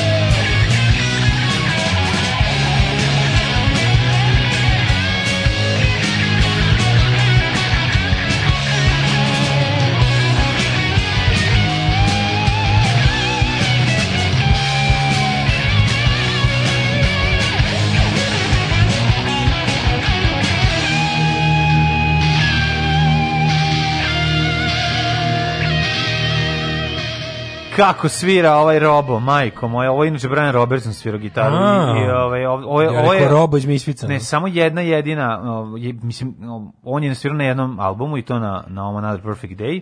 Ovaj, ali je najzanimljiviji album, mislim, drugačiji od ostalih, Lemi se dugo vremena opirao da prizna i nekako je ni, ni podaštavao je ovaj album kao da se nije dogodilo. To orgazmatron? Ne orgazmatron, nego, nego Another Perfect Day. Another Perfect Day, aha. Iz 83. Inače, kad su Motorheadi prvi put bili u Jugoslaviji kao Motorheadi, bili su na ovoj turneji. Ima u jukeboxu. Na ovaj, Another Perfect na, Day turneji. Another Perfect Day, ova postava je svirala. Svi su i ranije došli. Dobro, Another Perfect Day, to je nešto... 83. A, pa to je rano. Da. Kažem ti rano, a, razgovor sa njima, ako se ne varam da je... Ovaj, ko je, da, da, da radio, da, ko je s njima radio razgovor? Pera Luković. Pera Luković. Jeste, jeste Pera Luković. Pera Luković, da, da, da. Super. Pera Luković, ovaj. to je super, mislim, kaže da je zvuk bio nešto problematičan i ono sve, ali da je taj doživljaj sam po sebi. Mislim da je naš drug Stavra bio na tom koncu. Kaže, jebem ti prvi amandman omogućava organizacije poput KKK, Nambla, PETA, NASA i drugi užase. Ja mislim da je zapravo, kad malo bolje razmislim, mislim da je prvi amandman najbolje što je neko do sad smislio za zaštitu javnosti od budala, tako što ćeš budalama do dopustite pričaju šta hoće. Ne znam, čini mi se da čini mi se da Amerika dokazano najbolje prolazi što se tiče opasnih ideologija. A pa ne znam, da. Što se tiče opasnih ideologija, da, ali evo eto, znaš, ono, da. I on taj utisak. Pazi, da. i sad je prvi amandman, znaš kao prvi amandman zbog toga što postoji je, čak i kad se desi neko sranje, on spreči da da eskalira, on razumeš. Mm, da. Prvi amandman jeste možda uslovno rečeno doneo Trump, ali ga isklonio. Mislim, ako pogledaš jedinu zemlju koja stvarno nije imala ono, nije nije imala problem sa, sa, sa zvanično nikakvim ono ekstremno desnicom koja jeste tamo u odnosu na kad pogledaš ostatak sveta deluje kao u kao tamo iza svakog ćoška stoje ono neki ali ne mogu ništa da urade, razumeš? I to je potpuno, pa, potpuno čudno. Mislim. Sad dobro je što sad ne mogu ništa da urade, ali bilo je da. gusto. A, pa a bilo je, ali ono... nekako mi se čini naš, od kad taj, taj prvi analno postoji preko 200 godina da. i jebi ga radi posao. Pa, Nisu dobro, ga menjali. Naravno, radio je posao prema što je izmišljen ovaj, Twitter i... i ovaj, nema veze, Facebook. nema to veze. On, je, on se dobro adaptira na te stvari. Kada se dobro primjeni, on i dalje radi posao. Da. Freedom of speech is not a freedom of reach. Tako je. I to razumem. je sve što treba znati. Apsolutno. To je sve što treba. Znači, važno je da ti, ja mislim da to dobro, zato što je važno da no. Da. zbog bilo čega što si ti rekao ne sme da te proganja država. Tako je. I ja mislim da to dobro, kod nas nije tako, kod nas i u Evropi, ne, ne samo u Srbiji, u Evropi postoje stvari koje kad kažeš država te proganja. Mm. I ja sad nekad mislim kako je to dobro, primjer, mislim kako nije kako je dobro da te država proganja ako kažeš holokaust se nije desio ili, on ne znam, jevreje treba pobiti. U Americi to možeš da kažeš. Mm Ali onda će ti to omogućiti da te jednostavno svi normalni ljudi izopšte iz društva, ali ne i država. Kao drž, da. S državom nećeš imati posla. Mm. Ali i ispade da je to zapravo ono kao zapravo radi posao. Ti možeš da nađeš budale koje to će slušaju. Da. Ali ćeš biti odbačen od većinskog društva. Za sada e, radi. Uh, kaže, gađe ga mlađo, ava je simbol lepote, babasta možda bude samo zato što dolazi iz takvog vremena. Šta je da. sledeće? Odri Heber mu je ružna. Pa gde me nađe čoveče? To je sledeće što bih rekao da, da, da sam imao prilike. Pa da, ali nije ružno. To je prosto, možda ti se ne sviđa, ali mislim svakako je Audrey Hepburn jako lepa. Kišjela. Ali ove, nije kišela, to si ti si kišio. kišio ti nos, nego Ava Gardner, baš to me, aj, aj za, za Audrey, znam što te nerviraju ne, neočupane obrve. Pa razumijem da sad kao to te nervira, taj styling iz tog perioda. Ali Ava je baš lepa ko, ko, ko ne znam, no ko, ko je bio nam, nama ekvivalent toj, toj lepoti, naša lepotica, ova... Mm, Zlata Petrović, razumeš? Petković, Zlata Petrović, dok šore između dva auta. Petković, izvinjam se. Zlata Petković, evo recimo, znači ona imala tu, no, da, da je ličila malo na nju, ali ovo je baš onako i neku ima aristokratsku lepotu, baš nije, nije baba, eto, mislim, ne znam što. Može li Peđa taksista da mi priča kako je Mile upoznao Tita 74. Tito mu poklonio bajonica sutjeske, a na koncertu ga četnički separatista iseko s pikovim kecom po ruci, a Mile je uknuo Jesus Space, Jesus Space. Da, ove, mislim da su ga pogodili tada onim, onom 20 dinarkom sa žiletima pa ga je ovaj pa je policija 20 iskrivila. Dinarka sa 20 žiletima. da sa zalepim žiletom iz da Kod nas je to bilo. Mislim da u Sloveniji bilo. Da li 83 to ili to radio treba to to kao fuzonu. Pa i savijali su ga i odveli, mislim u ono u kaputima. Saznali su i ko je, a videli pa su. su ga našli. Ma ne, se. Zavisi kao on malo ozna na koncertu. Ozbino, Svaki drugi ozna na koncertu. Ozbiljno ga pije. Ozbiljno ga povredio, znači nije bilo zezanje. Tako da, mislim, kretenije. Kaže, ovaj, pa Daško, Daško je Dara Bubamara mačka, pričaš sa Daškom aristokratske lepote, aj to što kažeš. Da, da. Aj to što, aj to što kažeš. kažeš, pa da, ja. Manjem aristokratske lepote, ja sam porno šik čovjek. Da. O, porno našikan. Porno shit. Porno našikan. Ove, ovaj, uh, ajmo brzi jedan hit, može? Mm -hmm, može, može. Ajde. Ajde.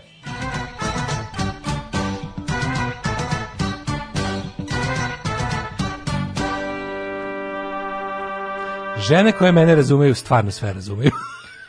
Žene koje tebe razumeju. Stvarno sve razumeju, to, su puno razumevanja. Ove, 8 stepeni u Subotici, Sombor 7, Novi Sad, Osmaja, Zrenjanin 7, Kikinda 6, Banjski Karlovac 6, Loznica, Petrarda, Mitrovica 5, Valjevo, Kec u Valjevu, boga mi ladno. Vidi nad Valjevom živo ladno seva. Da, e. otvoriš, e, izbaciš, izbaciš pivo i oladiti se bez problema na, na Sims.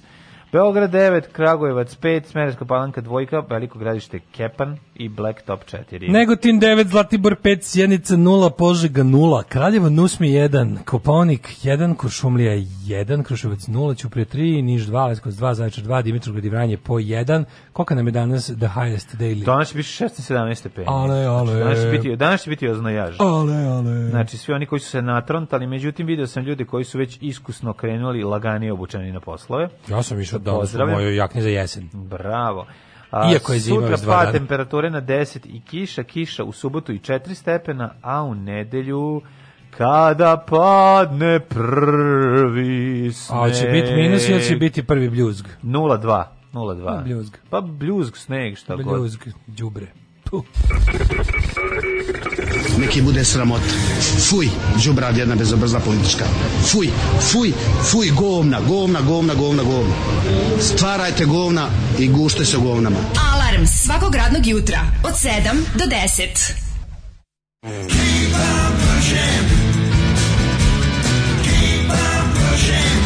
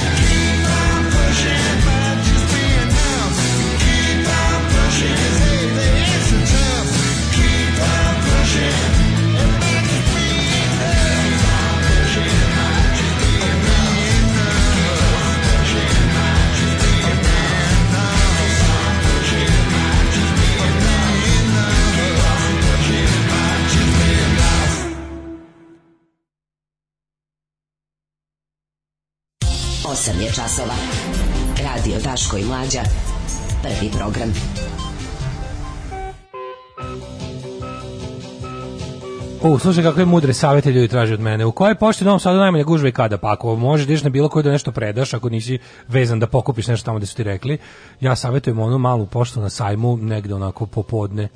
A i zavisi u mesecu koji je datum.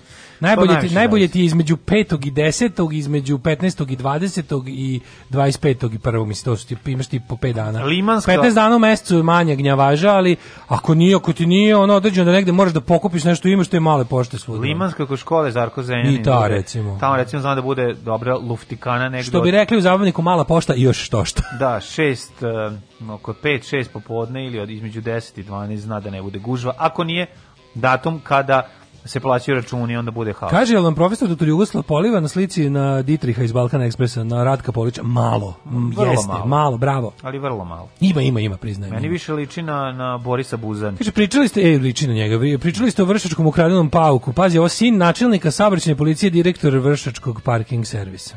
Hm, strava. Strava jako važno. Sjajno, pa ne, bitno da ostane u porodici. Kaže, donio sam matru, pa sam kupio orgazmatron kad je izašao, kad je počeo izašao originalno, bravo. a zbog najavljične produkcije sam mislio da mi nešto nije redu gramofon. Da, da, da. da Kako da. slatko, da ima inače, krčanja previše. Da ima previše krčanja, mi neš, nešto Lemi bio jako ljut na producenta. Pa da se ispeglo da, da. po miksetio. Da. Ne, ne, ne, bio ljut na producenta kako je ovaj uradio, da nisu bili zadovoljni s tim. Da. Inače, u toj postavi, to je isto zanimljiva postava, zato što tu Wurzel i Pit Gill lupa bubnjeve to je potpuno druga postava Motorheada, ali albumčina jako, jako dobar album, ali jeste produkcija malo prebuđena. Ili onaj sa vozom. Sa, da, da, da. Voz je na ovom. Voz, da, da, da, da. da. Ovaj, um, šta ti treba da reći danas? Jao, Bože, ja sam juče umret meha, gledao sam ovog kako se zove lažnog mlađe, ovog doktor Srđu koji je rekao, imamo crvene linije preko kojih neću pri ne, seri plastelinko jedan, ono, čuti. njega kad se naljuti. Kako mi je bio jadan. Znači, nema ništa jadnije nego kada, kada poslušnici krpe od ljudi kao dobiju od gazde dozvolu da se iskurče pod kontrolisanim pa uslovima. Sad svi imaju taj fafasa. Kako je to tužno. Ako ovo onda da- ja, čuti bre, onako više ničemu, ni, ni, nikad nisi služio ničemu. Da čuti. Ma šta nisam? Šta nisam, a kad sam ja ono jedno... Lezi ovde, aj lezi u krevet. Stavi Viš da ne sme da legnem? Ne, on legne i stavi sad taj strepon dildo, odvali me. Da. Šta misliš? Šta da ne, ne smem to? Šta da ne smem da primim to. Moramo to, pa imamo onda, ovaj, jako dobro što reče, druga kaže, a, mi dobili, čovječe, mi dobili četiri 1875 vakcina, a Hrvati ništa, samo neko cijepivo i to 5 miliona komada. Samo cijepivo? Naprice, mi imamo vakcina, Hrvati nabili samo neko cijepivo. Ne, hoću što da ti kažem. Ana i Darija danas primaju vakcinu The Vaccination. Wow. Ajde, o tome malo. Pa, ah, kaži mi, si gledao sinoć dokumentarac o kom svi pričaju? The Vaccination. Koji dokumentarac? Pa ovo je dak, zaključani. Ne. Nisi gledao, pa do sad svi pričaju si. Pa bio je dokumentarac ove Maje Nikolić. U, svi su nahvalili. O, ovaj, da, svi da, da, da, nahvališe, a ja sam, nažalost, bio ono kao sprečen umorom. Ja sam samo pročitao, Maja Nikolić je razvalila, tako je bio. Jeste, jeste, svi su jako zadovoljni, kažu da je, da je odličan. Pa, ali, ali, ono koliko sam video, samo sam prevrteo preko cak, cak, cak na YouTube, mm -hmm. pogledao po pogledao po minut. Okačena je obitao.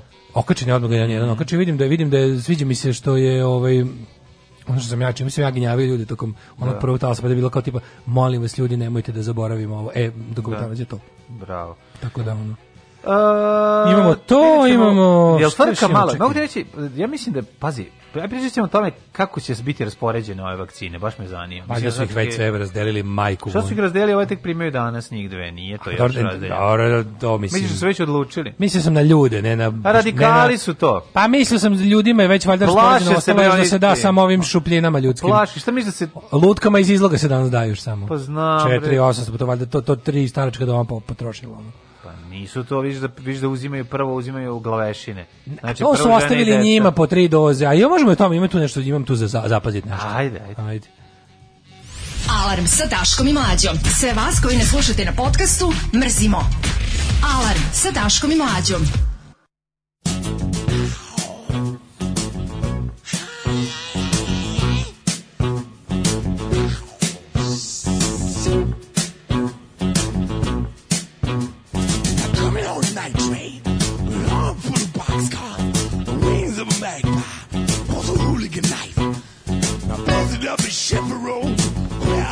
Kokomo, cook up a mess of mulligan, got a new flight. Pass the past the graveyard, stepping on the crack. Mean my of a type of one night jack. You probably see me sleeping. How about a railroad tracks? We're gone now to prison darkness. What about all that smoke come from the stack? Sometimes I kill myself a jackal, snuck out all the blood. Steal my a stench wagon.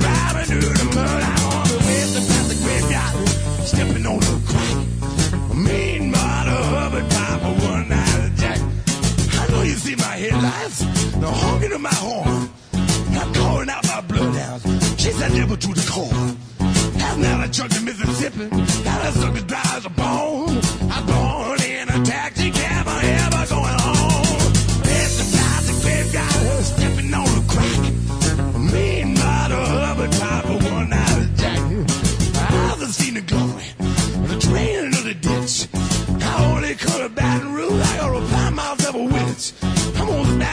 couple of them every time it rains. You see, I look, I'm on that and it's a train. With the time, the graveyard, flipping on the crack. Mean model of a Bible, one eye jack. What you think is the sunshine? Just a twinkle in my eye. And a ring around my finger, called the 4th of July. I get a little lonesome, tear fall from my cheek.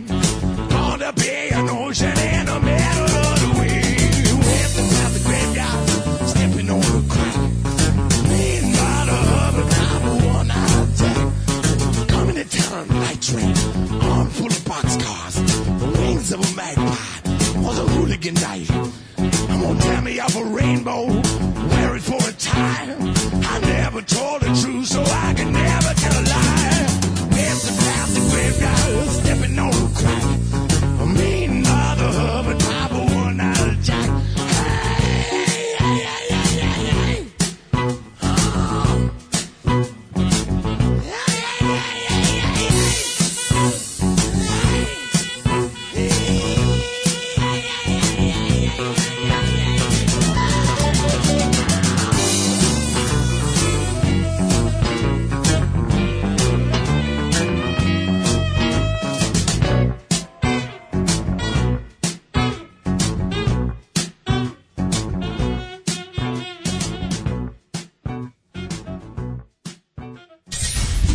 me pitate da li ih ja podržavam, moj odgovor je apsolutno da. Da, podržavam ih i mislim da je jako, jako važno e, da ih svi podržimo. I molim vas, donirajte vašu podršku, ulažite u Daška i u Mađu i svime će nam biti mnogo bolje. Ja vam garantujem. Alarms, svakog radnog jutra od 7 do 10. Od 7 do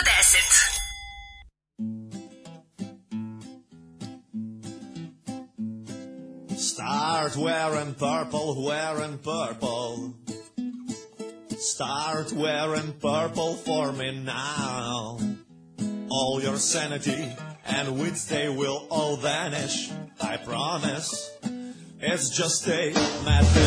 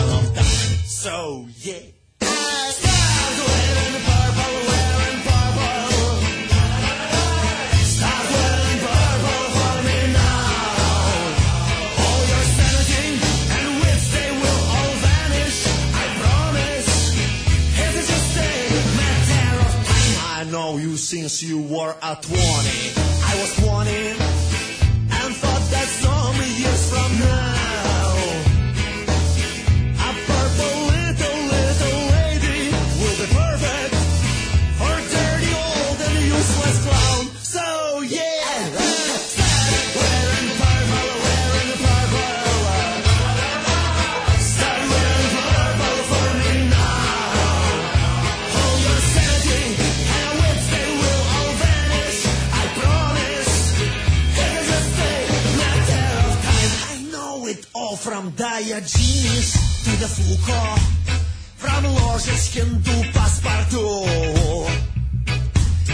И я клянусь, обостав два пальца Что ты, а? Что музыка пошла от звука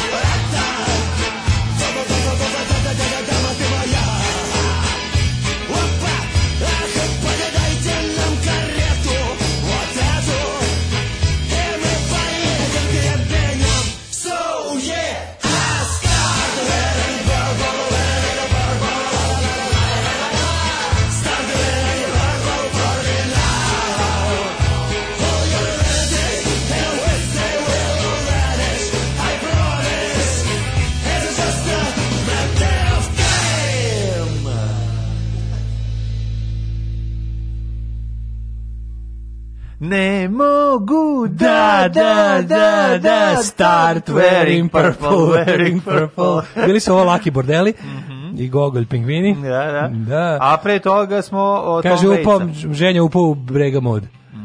Uh, pa onda ovako 4800 ukupno, pošto treba dve doze znači da je za 2,5 2500 ljudi a čekaj, ne, da. oni su rekli da će ovo sad da spičkaju sve na jednu na različite osobe, pa će onda onom drugom turnu koja navodno dolazi 4. januara da, kad bi vakciniš. trebalo, pošto mora da prođe 21 dan između dve doze, mm. kao sve će na jednu, pa će onda da Da. Tako valjda. Ovaj Brnaba neće primiti vakcinu, to je najnovija vest. Naravno. Šta će biti još prilicu neki vitamini? Svi bruku, ono, ono, ono, je to Portugal bio? Šta je to bio? Lažne vakcine. Jo, što ono bilo sramotno. Ona, ona, ona ministarka što nije primila vakcinu. Mislim, koji je to čovjek, koji je to vetar u leđa antivakserima, pa. jebote? Kako mogu to da urade, jebote? Mislim, ono je pa toliko bilo providno. katoličkim zemljama, što je to, razumeš? Pa, ono? Po, Portugal nije jaka katolička zemlja. Pa Portugal je jedna od najsekularnijih država u Evropi. Ono. Pa šta onda, zašto je to tako? Ne, ja ne znam što su takvi debili. Pa ko Portugal koji je progresivan, užasno, socijalno, imaju legalizovan sve droge. Smanjili narkomaniju na maltene nula. Mislim, ilegalnu narkomaniju nemaju, nemaju kriminal vezan za drogu. Ali jedna zašto od redkih zemalja koja je skoro uspela da ga iskoreni. A zašto nabacuju onda? I onda uzmu kao, znaš, za COVID... Zašto COVID... nabacuju na volej, ono... Kao primiće na televizijama, će, na kamerom će primiti ministarka, da li zdravlja, ne bi da lupim, ovaj neka ministarka u vladi i oni daju vakcinu sa kapom sa sa ovim sa plastikom na igli, ono što treba, se, ja. Da- videlo se jako. Još onako, ju ništa nije bolelo, onako, sve je urađeno jako traljavo. Mislim, zašto ne bi primila vakcinu? Mislim, ja razumijem, postoje ljudi, svakome neka, neka vakcina kontraindikovana, pa da kažeš, evo, Mislim, no, što, rizik kraj, postoji, kažeš, postoji rizik da kad jedeš ribu da ćeš se udaviš. Pa da, ali možda postoji... kaže, i, i sad o tome sam zapravo teo, preko ove priče sam teo da pričam o tome kao, kako moguće da se Vučić nije skočio prvi da primi? Kad on sve prvi sve radi. Ja, nije sad da ja tražim njega, to da naprotiv, mislim da ne treba, ali mi je čudno da sam, znaš kao, navikli smo od njega to.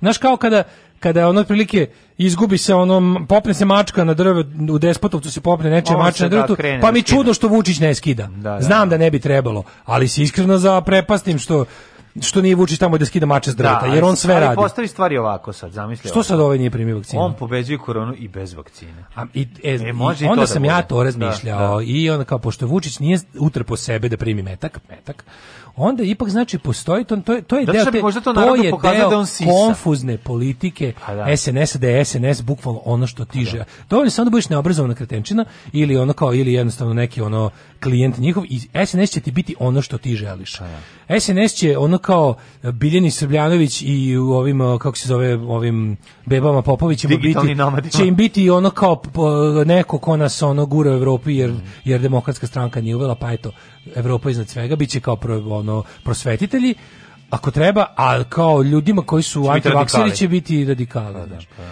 I on mi je to tako nekako bilo nevjerojatno da koga on kao istoriju da, da prime vakcine, ne znam, lončar, koga, koga su rekli? Na, koliko znam, trebalo bi, mislim danas, u novinama piše da će Vakcinacija probije, počinje led probijaju premijerka i ministar Karada. Znači, pravo Vučić trebalo... će primiti rusku vakcinu kad dođe. Kažem, ovaj. Znam zašto radi to. Što, što je Kaže, mogu, kaže, to nije Portugal, to je Australija, snimak je iz aprila, a protiv gripa je vakcina. Ja sam ovo video, ja sam ovo, ovako, sad moguće, znaš šta, sasvim je moguće, ja sam to video na Twitteru, video sam ovaj, da je šerovan, nije sa nikakvog zvani to, to, tu portugalsko primanje vakcine koju sam ja rekao da je portugalsko, sam video da piše da je Portugal, da je ministarka ne znam čega, da je, da je novi snimak i sad ja, ja sam to video na, na nečijem da kažem privatnom nalogu, ali mi ali mi je ovaj kako se zove a, ne ne ne, nego je na kadru tom kad se otvori je pisalo da je sa um, kako se zove da li Reuters ili ili i neka neka onom kako da kažem. Mislim to isto može se fejkuje, sad malo bolje razmislim. Moguće. Da pa da, može, da, mislim što šta mene košta da napravi da. snimak i da napravim u premijeru ono da je to pustio CNN da, ili da, da, Sky ili ili RTS. Misliš da je fake? Pa evo sad kažu da kažu kažu kaže video sam snimak da se vidi igla a da je da je ovaj kasnije ovo montirano, mislim nemam pojma. Ali ako je to naš kao ono što sam ja video izgledalo kao da žena ne prima pa vakcinu. A kažem ti moguće da je buđeno. Ne, meni je super kada kada naš kada kada naši ono politički protivnici lažu, oni lažu za sve pare. Tako da opet isto ne isključujem mogućnost da su ga namontirali, ali bi ukoliko je pravo to bio stvarno skandal, bilo bi stvarno jadno. Pa me je to ponukalo da vidim zašto Vučić stvarno ne se ne gura da primi vakcinu. To mi je jako čudno ako je, ako je Znaš, da li, da li oni žele vakcinisano stanovništvo? Da li bi za njih bilo, da li bi oni kad bi kad bi pitao Vučića šta ti sad najviše želiš? Da li bi on poželao da mu padne s neba ono kao 4 miliona doza i da završi s time ili mu je baš ne odgovara da da znaš, ne nisam pametan više uopšte. Pa ne znam, to sad to treba pitati, ovaj mislim to ćemo saznati kad budemo saznali šta je sledeći plan.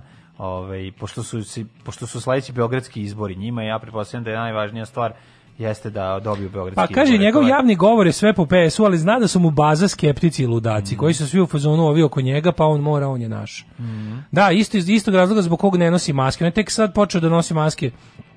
Bože, se ga vidio, čudno nosi nikako nosi masku. Stvarno izgleda kao da ono, kao da prvi put vidio u životu masku. Si ga vidio kako je stavio potpuno kretenski? Ma to tek, on izgleda onaj, tu, tu, tu, onaj, onaj uh, lešinar. Da, da, juk, juk, juk, juk, juk, juk. A, da. kako su ti deca Vučiću? Slušam ih sve. Tokom obilaska gazdinstva na kom se proizvodi duvan i to je stigo da obavi. Predsjednik Vučić je sasvim neposredno obratila mu se jedna žena, znači totalno neplanirano, ovaj, van protokola.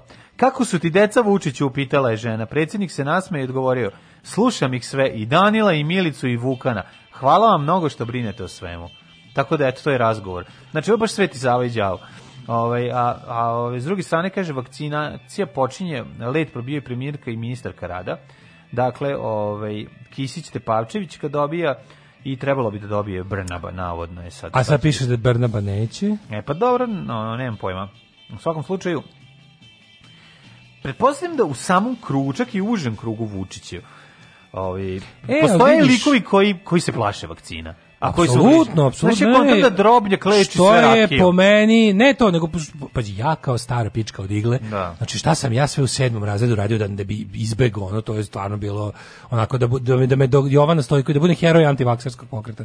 To Koliko sam se ja... Znači, ti da sam se u drugom razredu prvi javio da bijem vakcinu? Pa dobro, ja se plašim. I u prvom razredu ja sam se drugi pazi, javio. Taj strah od igle mi je vremenom nestao, ali i dalje mi je onako, i dalje kad mi kažu, ide daš krvi, nešto da te bockam, i dalje mi je to kao ono, nije mi baš 100% 100% prijatno. Okej, okay, sad nisam. Kome je prijatno? Ali znam, znam, ali znači, ali šta ne gledaš, okreneš glavu. Moja drugarica Nataša i ja smo bili, znači to je bilo, to je bilo, to je, to je, to je tako blamiranje. Znači to je meni to bilo, meni se povraćalo od pomisli na, na, to bodenje, ono. Što je bio relativno zdravo dete, ja kad sam ono pregurao svoju kliničku smrt sa 10 11 meseci, ja posle stvarno nisam primao nikakve, nikakve nisam nisam išao injekcije, nisam. Znaš kao, nisam se ne. uopšte od ta od od najranijeg detinjstva do sedmog se nisam susretao sa ono s bocom. Pa I onda mi je bilo ono kao, da, da, pa primali su ljudi vakcine nebe kad su bolesni.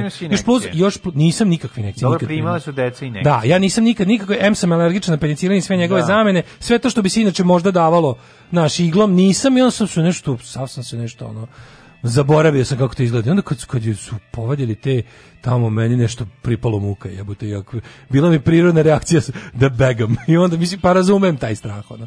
Ali mi je ono kao bolje da to kažeš pa da kao nije mi prijatno i ne volim, ne znam šta To bi preko nego da kreneš da izmišljaš ne znam šta da bi se ono ali evo sad, gled, sad gledam baš puno puno ovaj e, izgleda izgleda da nisam u pravu mislim izgleda da sam ja ovaj Naseo. žrtva propagande da je zapravo postoji prvo što postoji savremene vakcine da je doza da to nije vakcina bila za covid protiv covida nego postoje vakcine u već dozi već uh mhm. -huh. fabrički napravljene u špricima da igla izlazi kada kreneš da daješ da, da, vakcinu. Da, da, da, da, znači nije ovo da, zatvorena i onda probije onaj pečat probije da. onaj fabrik sil, jebi ga, i vakcina izađite kad kreneš da daješ, tako da postoje savremeni špricivi od onih na koje smo mi navikli. Pa mislim da se ja takvu dobio sad ovu za, za Ima da se grip. Možda kad, e pa da, kupiš je već pa u tom ta, špricu. dobio, kupiš je da. špricu. Da, već zapakovana. Da, tako da je ovo bila jedna od onih stvari koja je služi da ljudi koji ne znaju šta sve postoji, a taj sam ja bio sad, ovaj ispadnemo ispadnemo ovaj da Što da bi da rekao Vladan Takvivski, seo sam, naseo Ali, sam. Ali evo to je super, mislim ja koji sebe smatram baš nenasedljivim mogu da, da nasednem. Pa možeš da znači, da nasedneš. Znaš kao ja baš mislim da sam ono ultra trenirano mi oko na ovo i ono. Da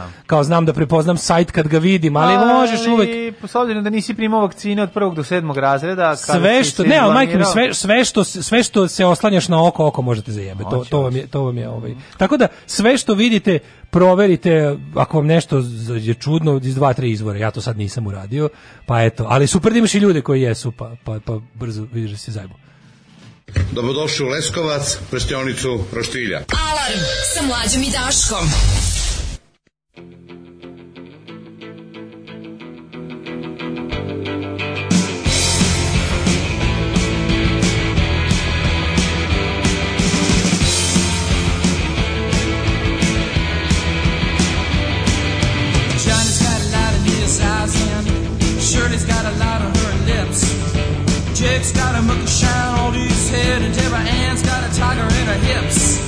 they can twist and turn, they can move and burn, they can throw themselves against the wall.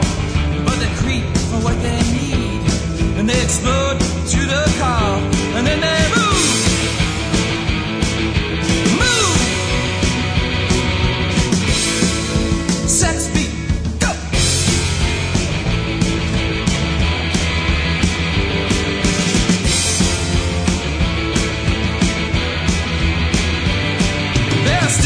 like I told you. Very stupid, like you saw. Very stupid as the simple thought of ever thinking at all. And all the mind, all the soul, all the body, all we know, all the things that should have made us whole. All the colorless security was only so we could go.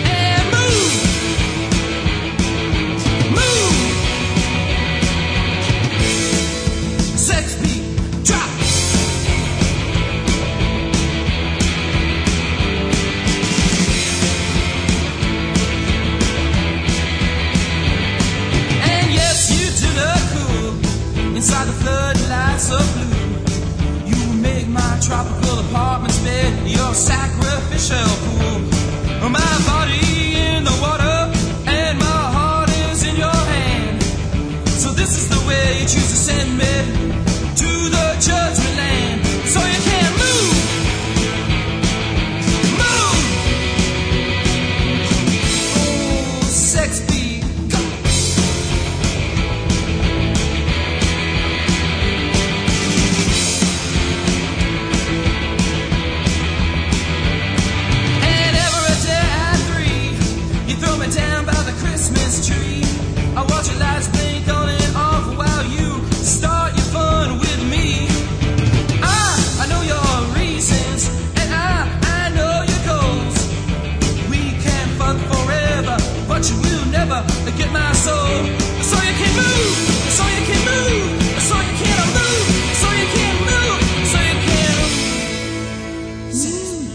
Seks ritam, ajmo. Ritam da te pitam. Ili, e, mala, malo da, da te pitam da li da. voliš ovaj seksi ovaj, ritam. Gun Club, genijalan band i sex beat. Jeste, klub pušaka. Ove, ovaj, ako primi vakcinu, on će biti šta se ovaj trpa kao da nema rizičnih građana, a ako neće da primi, onda bi bilo predsjednik i antivakser. Nema ovde straha od igla, antivakser su jako, jako zatrovali medijski prostor. Ne, i sad sam našao ceo snimak. Da, bio sam potpuno u krivu, znači snimak koji da, sam ja video. Da. A, znaš šta me stvari tu, ovaj, šta me, zašto sam ono popasao? Zašto je bilo Neko je šerovo to za koga znam da nije, pa je isto mhm. to pomislio, pa je meni preneo svoje mišljenje o tome. A sad sam vidio ceo snimak, zapravo zapravo je regularno vakcinisan Regular, da, da, da. i nema i nije covid nego je Australija uh, i nije ne, nije, COVID, nije, nije Portugal, Portugal, nije Portugal nego Australija, nije covid da. nego je grip i snimak je star skoro godinu dana. Pa da. Tako da, ali znaš ono i uvek me iznova zaprepasti koliko ljudi koji kao ti ljudi koji što razlika između čoveka koji zaista veruje u to što priča, pa onda će zbog toga da neće svesno lagati. Razumeš što ću ti kažem? Kao, da. Ako čovjek recimo, ako čovjek stvarno lupetam sad, čovjek stvarno recimo rasista i želi da veruje da su druge rase inferiornije njegovoj i da su kriminalne i da su divlje i da su ne znam šta. I onda kao dođe, dođe do, vidi svet tako. I onda kao vidi nešto i to uklopi u svoj svetonazor i onda kao će da podeli to s drugima. To je jedna stvar. Kao, naš, kao, ok, ne znam, nađe snimak, crnci jedu živog miša, lupam. I pokaže to. E sad to je jedno. A drugo je kada lik je otišao korak dalje pa je već onako u to umešao, to je njegov politički angažman, ne samo da mu je to njegovo nakaradno, ja. Da. ono kao, nego to sve već deo njegove politike koju treba da promoviše, od koje planira da na kraju krajeva živi, i onda kreće novo laganje, tipa, pogledajte, migranti Da. napadaju nevine ljude u hamburškom metrou, da. a ono je u stvari on sam zna da la, što je razlika da, da kada da, on sam uzme snimak ili nešto i da mu drugo značenje, ne bili širio svoju propagandu. Da, I onda, ali se uvijek iznova zaprepasti što mi kao, znaš kao, mi na levici to ne radimo, jebi ga. Mislim, ako radimo on to govni, to su stvari koje levica brzo izopšti iz sebe. Nećeš nikad vidjeti da svesno levičar fabrikuje nešto da bi optužio svoje neprijatelje u slučaju Znaš, kao ja nikad, ja bar nikad nisam video, kao, evo pogledajte ovaj snimak gde ne znam šta, da je neko svesno okače kao, na primjer, Znaš, kao ćeš da optužiš policajca za nešto, a da. znaš da na snimku se ne dešava to što se dešava. Nećeš to. To jednostavno ne radi. Onda pa mi uvek, uvek mi je isti. Šta je etički ili ne etički? Pa da, kao, ako, znaš, kao, ako je moja ideologija ispravna, ne moram da lažem da bi je podržao. Da. To, to je premisa s kojom ja krećem. Da. Ako su moje ideje ispravne, znaš, kao intele, ja sam ja, ja sam to što jesam politički zato što to najviše odgovara intelektualnom poštenju. A znam, da li imaš ti poštenih desničara, misli kako bi ti pa rekao. Pa ima, naravno, znači, ima, ima, ima, kao, sad... ima ljudi koji neće, ima desničara koji neće fabrikovati neće, da. ovaj da bi podržali svoj ima iako, ima, iako njime, po meni njihova ali ideologija oni su... nakaradna, oni ne razumem nisu ja kažem intelektualno dosledno intelektualno dosledno mor dosledno moraš moraš da. moraš ceniti pa, dok ovde ona kao naš uglavnom retko i onda kada vidiš je to stvarno gubi na znači i postojalo naravno da se dešavalo da neko na primjer e, objavi nešto ali ako se ispostavi da to nije to što da. za, za šta Neću si ti tvrdio snimku i reći ćeš da si naravno, pogrešio, znaš. Kao, imaš, ima recimo interesantno, recimo juče je internetom kružio snimak iz nekog migrantskog centra u ja mislim Bogovađi mm -hmm. gde se desio, ja sad ne znam šta je tačno ali ako da ako pretpostavimo da se desilo to što kažu da se na snimku da. desilo, da. a to je da priča sledeće. Da. da. Tamo je bio snimak da je uh, jedan uh, korisnik centra migrant je stavio da klanja. stavio je prostirku za da. onaj namaz za da. islamsku molitvu, je stavio i dok je ne znam radnica se vrzmala tamo jer je tamo slučajno hm? zgazila. Zgazila mu na to i to je hm. njega strašno uvredilo, to se ne radi, to je, da. nije po kanonu. I, onda je... I ovaj popizdao tamo počeo da pravi frku i onda je tražio da bi da bi video da je ovaj iskreno žao, je tražio da ova poljubi tu kao da. prostirku. I ova je to uradila. I onda su svi bili srećni i zadovoljni što se kao vratio mir u, u da. migrantski centar. To kažu da se desilo na slici, da, na, na snimku. Ja sad ne znam. Da, da, Mislim pošto sam se od sa tih antimigratskih stranica i rasističkih ono pejđova na Facebooku nagledao raznih gluposti, gde se ono kao uzme uzme neki snimak sa e, ono security kamera, neko prekrivično delo domaći pa se pripiše. Ono, mislim, znamo da to rade u 90% slučajeva Ali ono kao čak i da se to desilo, ja sad ne, i da mi piška, a šta sa ti kažeš, znaš, ljudi koji gledaju te stvari... Mogu samo da kažem svaka čast toj ženi. Ne, ne, nije svaka čast pa Ja to ne bi nikad uradio. Pa ti to ne ja mu ne bi ljubio prostirku nikad, kao što mu ne bi namerno zgazio prostirku. Ona to nije namerno uradila. Zato ti kažem, možda je ona procenila žena u tom trenutku da taj da, da to da- nije vredno ono sranja. Pa Jeste, ja ja na primjer to ne bi mogu nikad da uradim. Ja to ne bi pa nikad mogao. Ti da nikad ne bi radio u tom tu Pa centru. radio bi, ali ne bi, ne, znaš, to nisu moje vrednosti jednostavno. Dobro, i šta onda bi To nisu moje vrednosti, rekao bi izvini, ja, ako hoćeš da ako hoćeš da prihvatiš moje izvinjenje. Pa dobro, čekaj. U smislu izvinjavam ti se, to stvarno nije bilo namerno, ali ja da ti ljubim krpu neću. Nikakvu krpu neću ljubav. Dobro, ja ti sad govorim sledeću stvar. To je sad šbbkbb u, toj, u, u tvojoj situaciji. Možda ženu zabole dupe, možda joj zaista žao. Što je, možda je u njegovim očima bila da on to shvatio ne znam kako, pa da mu pokaže da ono tu nije bilo nikakve namere. Ne, ti krpu. Ne, ne, radi se Mislim, o tome. Ne, znam, šta ne, ne, ne, dobro, okej, okay, sad da nije bitno šta bi ja uradio šta, nego pa nego, nego se radi da. o tome. Hoću samo da kao, samo sam teo da kažem o tome da kad recimo dođe, to je ja kao pro migrantski lik koji, no. Da. koji u javnosti se bavim time da ljudi prihvate ono migrante, a ne da ih mrze i napadaju i kao sad dođe sad pretpostavljam da je snimak tačan da se to zaista desilo, da, ko što kažu postavljači. Da, da, i ja pretpostavljam, znači prilično sam siguran ja ja, moguće da nije to pa. to, moguće da ne znam priču, moguće, ali da kažem, ako je to bilo tako kao što je bilo, to meni dve stvari su mi čudne. Kao vidiš kod ljudi koji koji su kao tvoji istomišljenici, kao znaš, kao ne znam, slušaj našu emisiju, vole to što mi pričaju, ali stalno imaju taj neki neku potrebu, kao da, kao da im treba moja dozvola da kažem, dobro u redu, evo mrzite ih, razumeš? Stalno kao, a šta kaže, kao da mene love, kaže, kao da, da, mene love u, u, u bivanju ne kao, da. e, a evo ti sad daš ko ti tvoji migranti, znaš, da. ja sam kao, ok, ako je ovo tačno, pa naravno da, ono kao, naravno da u mojem ono promigrantskom stavu ne, nema ni trunke ono želje da Evropa bude islamizirana. Znaš, on kao, ne, ono, to, nisu, to nisu iste stvari. Ako je čovek zaista primoravao nekom, tako to ne može da se radi, to se ne sme raditi. To, kao, to jednostavno nije u redu. Da li mi to menja stav u tome da treba pomoći ljudima koji su ono, ne, Da li je u redu, da li je u redu, znaš, ono kao to mi, ta, ta, ta priča što, da- mi ne, ne trebaš da o tome pričaš, to razumem skroz. Ja da sam ne znam šta radio. Mislim, kako ti rekao, ovo je incidentna situacija, a ne svakodnevna stvar. Svugde gde ima više od 10 ljudi može da bude incident. Upravo to. I, I, niko nikad nije ni rekao... niko nije rekao da među ekipom ko dolazi da, nema, nema islamista. islamista. Naravno da ima. Naravno da ima. Ali predstaviti sve te ljude kao islamiste je potpuni kreten. Ne, meni je, i onda ti, šta me ona kao iznova me razočarava, to što kao postoji da. među, među kao mojom stranom, e, postoji gomila ljudi kao, e, našli, konačno, znaš kao, ajde imaš, da. Utisak, imaš utisak da sve ovo vreme čekaju grešku. pa Hoću da ceo... tražim, pa- tražim pošto kao ne, nisi li to video možda kroz ceo svoj život video kroz, sam video da li si video ekipu koja dođe čeka da padneš čeka da padneš da, mislim da, da. to je ono naš naravno došao sam na tvoj koncert da gledam ali to, bi bilo najbolje da padneš bilo bi najbolje da padneš bilo bi da. najbolje ako bi gitara bila raštimana i bilo bi jako dobro ako ne bi zvučali baš jako dobro pojedinci će se mislim kako ti rekao naravno da to nije mišljenje svih ljudi, ali znaš kao neko jednostavno živi na tome zato ne iz nekih razloga svoj sebi znanih. A, problem u tome što je postoji ideja uh, vodilja tvoje priče i koji iz koji ti jasno predstavljaš svaki dan. Da. I sad ako neko naš dođi nađe koji on izuzetak i pokuša da ga predstavi kao pravilo, pa da. to prvo nije normalno, drugo ne pije vodu, treće naravno da je normalno da mislim zašto ljudi zašto ljudi misle da kad nešto pričaš da treba sve vreme i da ne postoji mogućnost pa da. korigovanja sebe. Pa, prvo radi se prvo radi se o socijalnoj stvari, to nije pa prirodna pa da, nauka. Pa da. U prirodnim naukama, u prirodnim naukama pravilo mora da važi uvek, pa da. stalno, da. inače nije, nije, nije, nije tačno. Znači, a pošto je socijalne, bilo koje socijalno dešavanje, znači ne možemo, znači, ne može sociologije tražiti da bude precizna kao fizika. Znači, jednostavno, znaš, u, u, matematici kad jednom ne bi u fizici, kad jednom ne bi nešto palo što pustiš, otišla bi u kurac cela teorija o, da. o, o gravitaciji. Znaš, kao to Dobro, bilo... I onda, bi, I onda bi se pojavili ljudi koji bi rekli, it's just filmu, a theory. U filmu Paket Aranžman u da. Hertz minuta. Znaš, kao, i onda bi se pojavili, ljudi, aha, it was da. just da. a theory, vidiš. Da, da, I onda bi oni bili u pravu, zato što je takav sistem postoje. A ovo je kao društvena, socijalna stvar, i sa tu, naravno da ništa ne može biti, ne postoji u društvu ništa skroz ispravno i skroz pogrešno.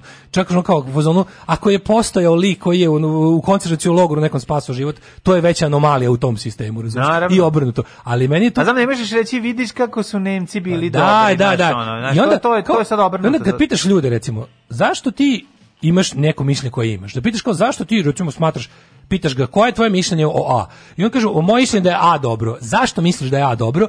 Mislim zato što me je život kroz razne iskustva, iskustva no. Da. drugih, informisanjem, sam došao do zaključka da je A dobro. A da li misliš da je A apsolutno dobro ili može A u nekim okolnostima da... Može da bude loše. Da, i onda ti kažeš kao dobro, da li ti misliš da, ja mislim da su kao što se tiče migrantske situacije, mislim da to, to, to, to i to. Da li mislim da, ako bi, a ako bi oni sutra tražili da nam svima Kenjaju i stav bi im dao, no. Da. pa ne bi im dao, mislim, znaš, kao ono. E, pa onda, to će onda, e, onda, I onda kao vodete do tih nekih grupa. I onda se pojavi jedan koji traži da se da, da, ustaje, da, onda da, kaže, da, vidiš da nam traži video. da nam da. Kenjaju ustaje. I to mi je potpuno nevjerojatno, kao kako moguće, ako vi imate neki stav o nečemu, čvrstoće tog stava se valjda meri po tome koliko se taj stav prikazao i koliko je odgovarao ove, onom što nazivamo za, zajedničkom realnosti, ono kako se shared reality, ono što ti ja smatramo da ti, ti ja ne vidimo isto baš nijansu ove boje crvene. Da. Ali smo slažemo se da tu u principu crvena. Da, znaš, kao. Da, da. I to je otprilike ono što, što, što drži naše ono kao naše zašto mi ver... trudimo se da ono što mi imamo, da ono što mi mislimo o stvarnosti se poklapa sa onim što su ljudi većinski iskusili u njoj, je da, tako? Ne. Da. I onda mi je da, zato smešno što kad se desi ovako neke ono stvari, ti tako gledaš, aha, a šta ćemo sad s ovim?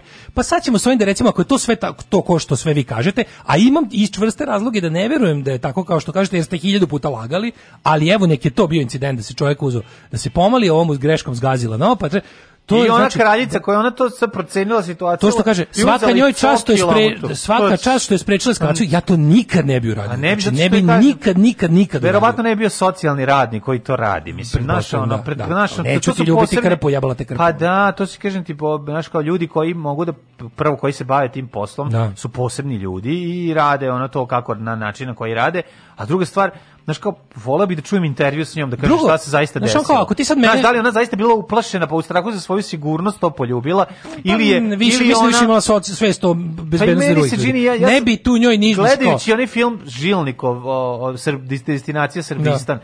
i život tih ljudi koji dolaze iz ovaj sa bliskog istoka ili iz Afrike i završavaju ovaj u tim nekim ovaj kampovima kod nas znaš kao videći kako to izgleda i kako se ponašaju ljudi koji su sve bili korektni skroz ti ljudi koji rade po, po tim kampovima sa, ovaj, sa izbjeglicama, znaš kao imam utisak da tamo su stvari prilično pod kontrolom, znači nisam imao da sada jesu, naravno, kako da vidim. Ne. Ma kako nisu? Mislim. Vrlo je sve da jasno, jesu. znači vrlo je kontrolisano. To je zatvoreni, eko, zatvoreni ekosistem. Ali je i vrlo je humano po ovom što A, sam kako, ja pa vidio. Pa, znači, ono, što može biti, mislim. Da. Tako da, tako da mislim da čak i ako je to bila njena procena u tom trenutku kao da, damage da je bezbednost od da njenog ponosa. Pa da, da Svaka da način, ja to nikad ne bi mogu. Ja znači, da ja to apsolutno nikad ne bi mogu zato što naš meni kad kad ti, znaš šta je, znaš šta je fora? Oni od tebe traže da biraš između hum, na primjer, u jednom trenutku da biram između humanosti i moje racionalnosti i ateizma. Ta dilema ne postoji. Znači kao što me nikad neće ne, ne, otadžbina ja me nikad neće naći. muslimana kod sokim krpu. Ne, ja ne, ne, ne, ne mogu postati. Niti ne, mogu ako ja, pa poljubim ikonu. Misliš da kakve to ima veze? Neću, postoje stvari koje se ne rade. Znači jednostavno kao za mene je to. Pa ja neću poljubiti. Kad ti kažem, ja neću otići samo, ne kako ti objasnim situacije, Ja neću otići ne, ne bih to nikad da, radio. da poljubim ikonu. Mislim ne zanima Ne bih to. nikad to radio. I ne, ali u ovoj to je, situaciji to je baš ja mislim, ono, ja mislim da je ovo To je trijumf teokratije nad demokratijom i to ne bih prihvatio ni u ni u ime ničega. Da, Jer jednostavno onda onda onda sve te stvari koje ja branim padaju u vodu. Razumeš sve te stvari i principi sekularizma, humanosti, da. ljudskosti padaju u vodu. Ako će neko meni da traži da ja svoju, kako se svoj integritet i dostojanstvo pogazim, ne bili udovoljio njemu koji udovoljava neš, ne, zadovoljava nešto što ne postoji, a to je Bog. Da. Znači jednostavno ne možemo tu trampu nećemo praviti. Da. Nikada me država neće naterati da biram između e, patriotizma i ljudskosti jer će da. ljudskost uvek pobediti. Tako znači ako država traži od mene da pogazim principe ljudskosti i ponašam se kao životinja u ime patriotizma, država možda mi popuši završ, završili smo da. država i ja. Da. Isto ovako, ovako kao ako me teruju da, da biram između ne znam te stvari, znači ovde, ta, ovde, je to, ovdje je lažna dilema. Ovde možeš biti naravno i dalje ateista i skeptik i sekularista i sve ostalo i biti human prema, prema ljudima u nevolji. Naravno, jer su to za mene ljudi naravno. u nevolji na prvom mestu. Ali volim da čujem interesno, ja mislim da je ona samo jednostavno dobro procenila situaciju i radila ono što je ono što je što Bukom ti kažem, bukom ti kažem, svaka je čast na tome, ja to da. ne bih mogao. To, to je da, sve što imam da kažem pa o tome. Ne, u redu, pa da. Mislim ja pretpostavljam da Ja bih tamo ostavio glavu na tom otiraču, jebi ga, ali ono, da, da. ali bi ono, šta da radi? Pa mislim, vjerojatno ne bi se rad, bavio tim poslom, pa onda ne, mora, ne moramo da razmišljamo o toj opciji šbb,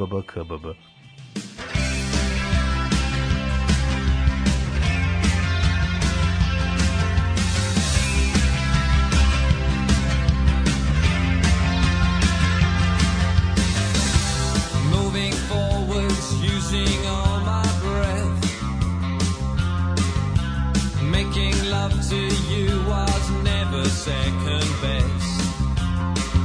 I saw the world crashing.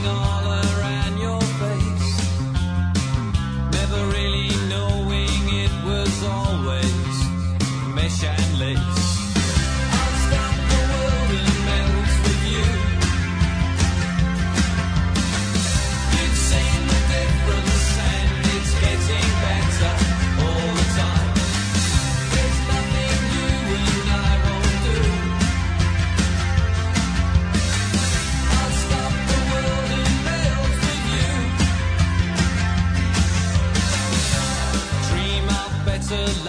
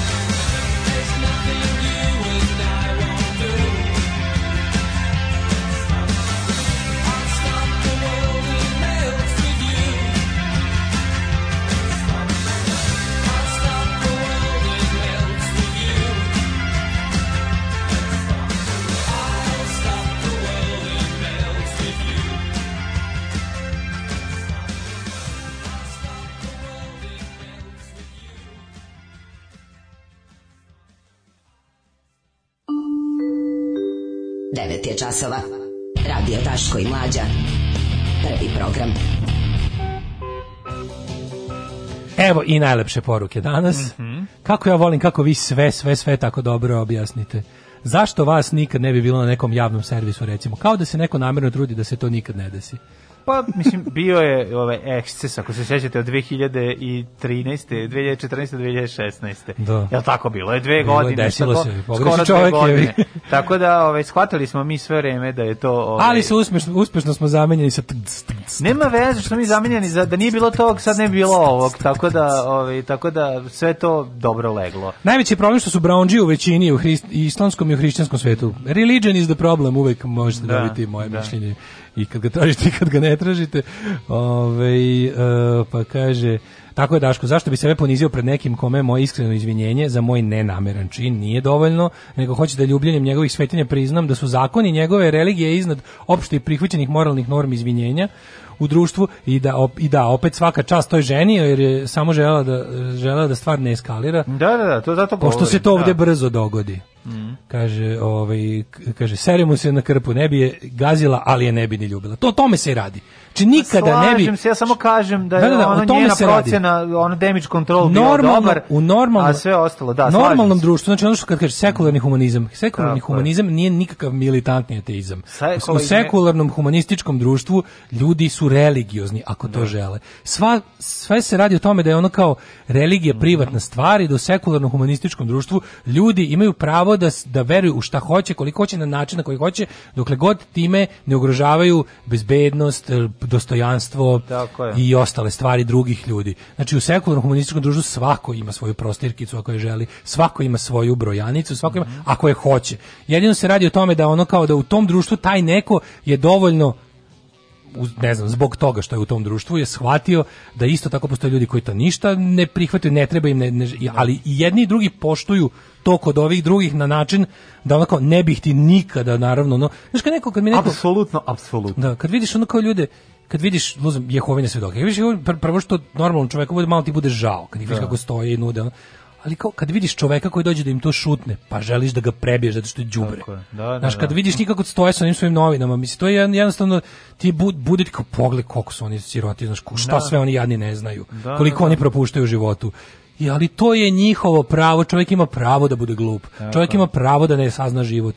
Čovjek, čovjek ima pravo da ne sagleda svet. Znamo da neš biti đuka koji će da ih maltretira. Đuka koji se pa, da, hvali da, da on njih, je, da, on njih razjurio sa sa oboda pijace na banji. A pa mislim to je jedina ekipa koja može. To je jedina ekipa koja može da razjuri. Pošto on budaletina koja misli da je da je krivično delo u svemu tome to što su oni nudili svoju propagandu. Ne, jedino krivično delo što ti došao da ih terorišeš. Tako je. Razumeš? Svako ima pravo da veruje u šta hoće, čak ima pravo i da širi tu svoju ideju.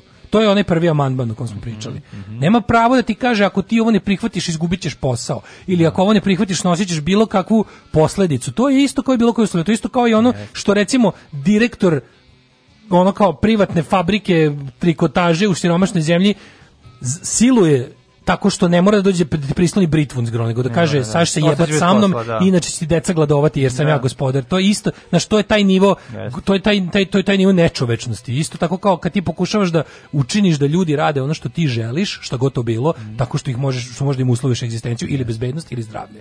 e, to je to. A ovo sve ostalo su, znači, kao, ukoliko nemamo, na kraju krajeva ono što sam hiljadu puta ponovio, Jedino u sekularnom humanističkom društvu svako će imati pravo da ispoljava svoju religiju.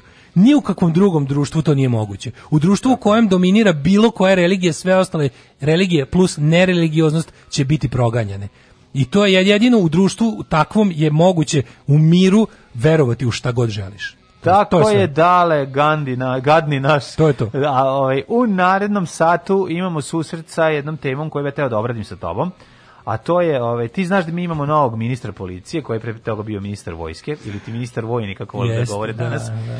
Pa, ovaj, pa jesi primetio da on imao, imao je već nekoliko izjava, prvih, izjava da. jedno... E, njih... Imao je juče, onu pre, preksinu, zapravo onu preglu, da. pa ja tu moram budem njegov djavolje advokat, ali pričat ćemo o tome. Da, da, da, zanimljivo je, eto, ovaj, priča. Da, to pa, je jedan, da. tu, tu je opet isto, sad da budem iskri, opet mora da, da budem, ovaj, to kao da budemo da budemo ono što mi jesmo to je intelektualno dosledni pa da eto budemo ima taj jedan sjajan, preporučio sam ga, mogu ponovo, on je jedan kratak na peščaniku je obiljen, zove se idiotizam ljudskih prava, mm. Puhovski, Žarko, mm kratko je 20 minuta traje.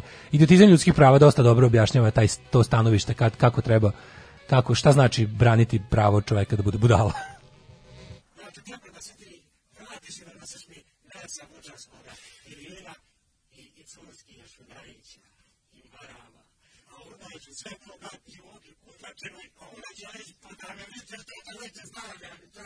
Alarm sa mlađom i Daškom.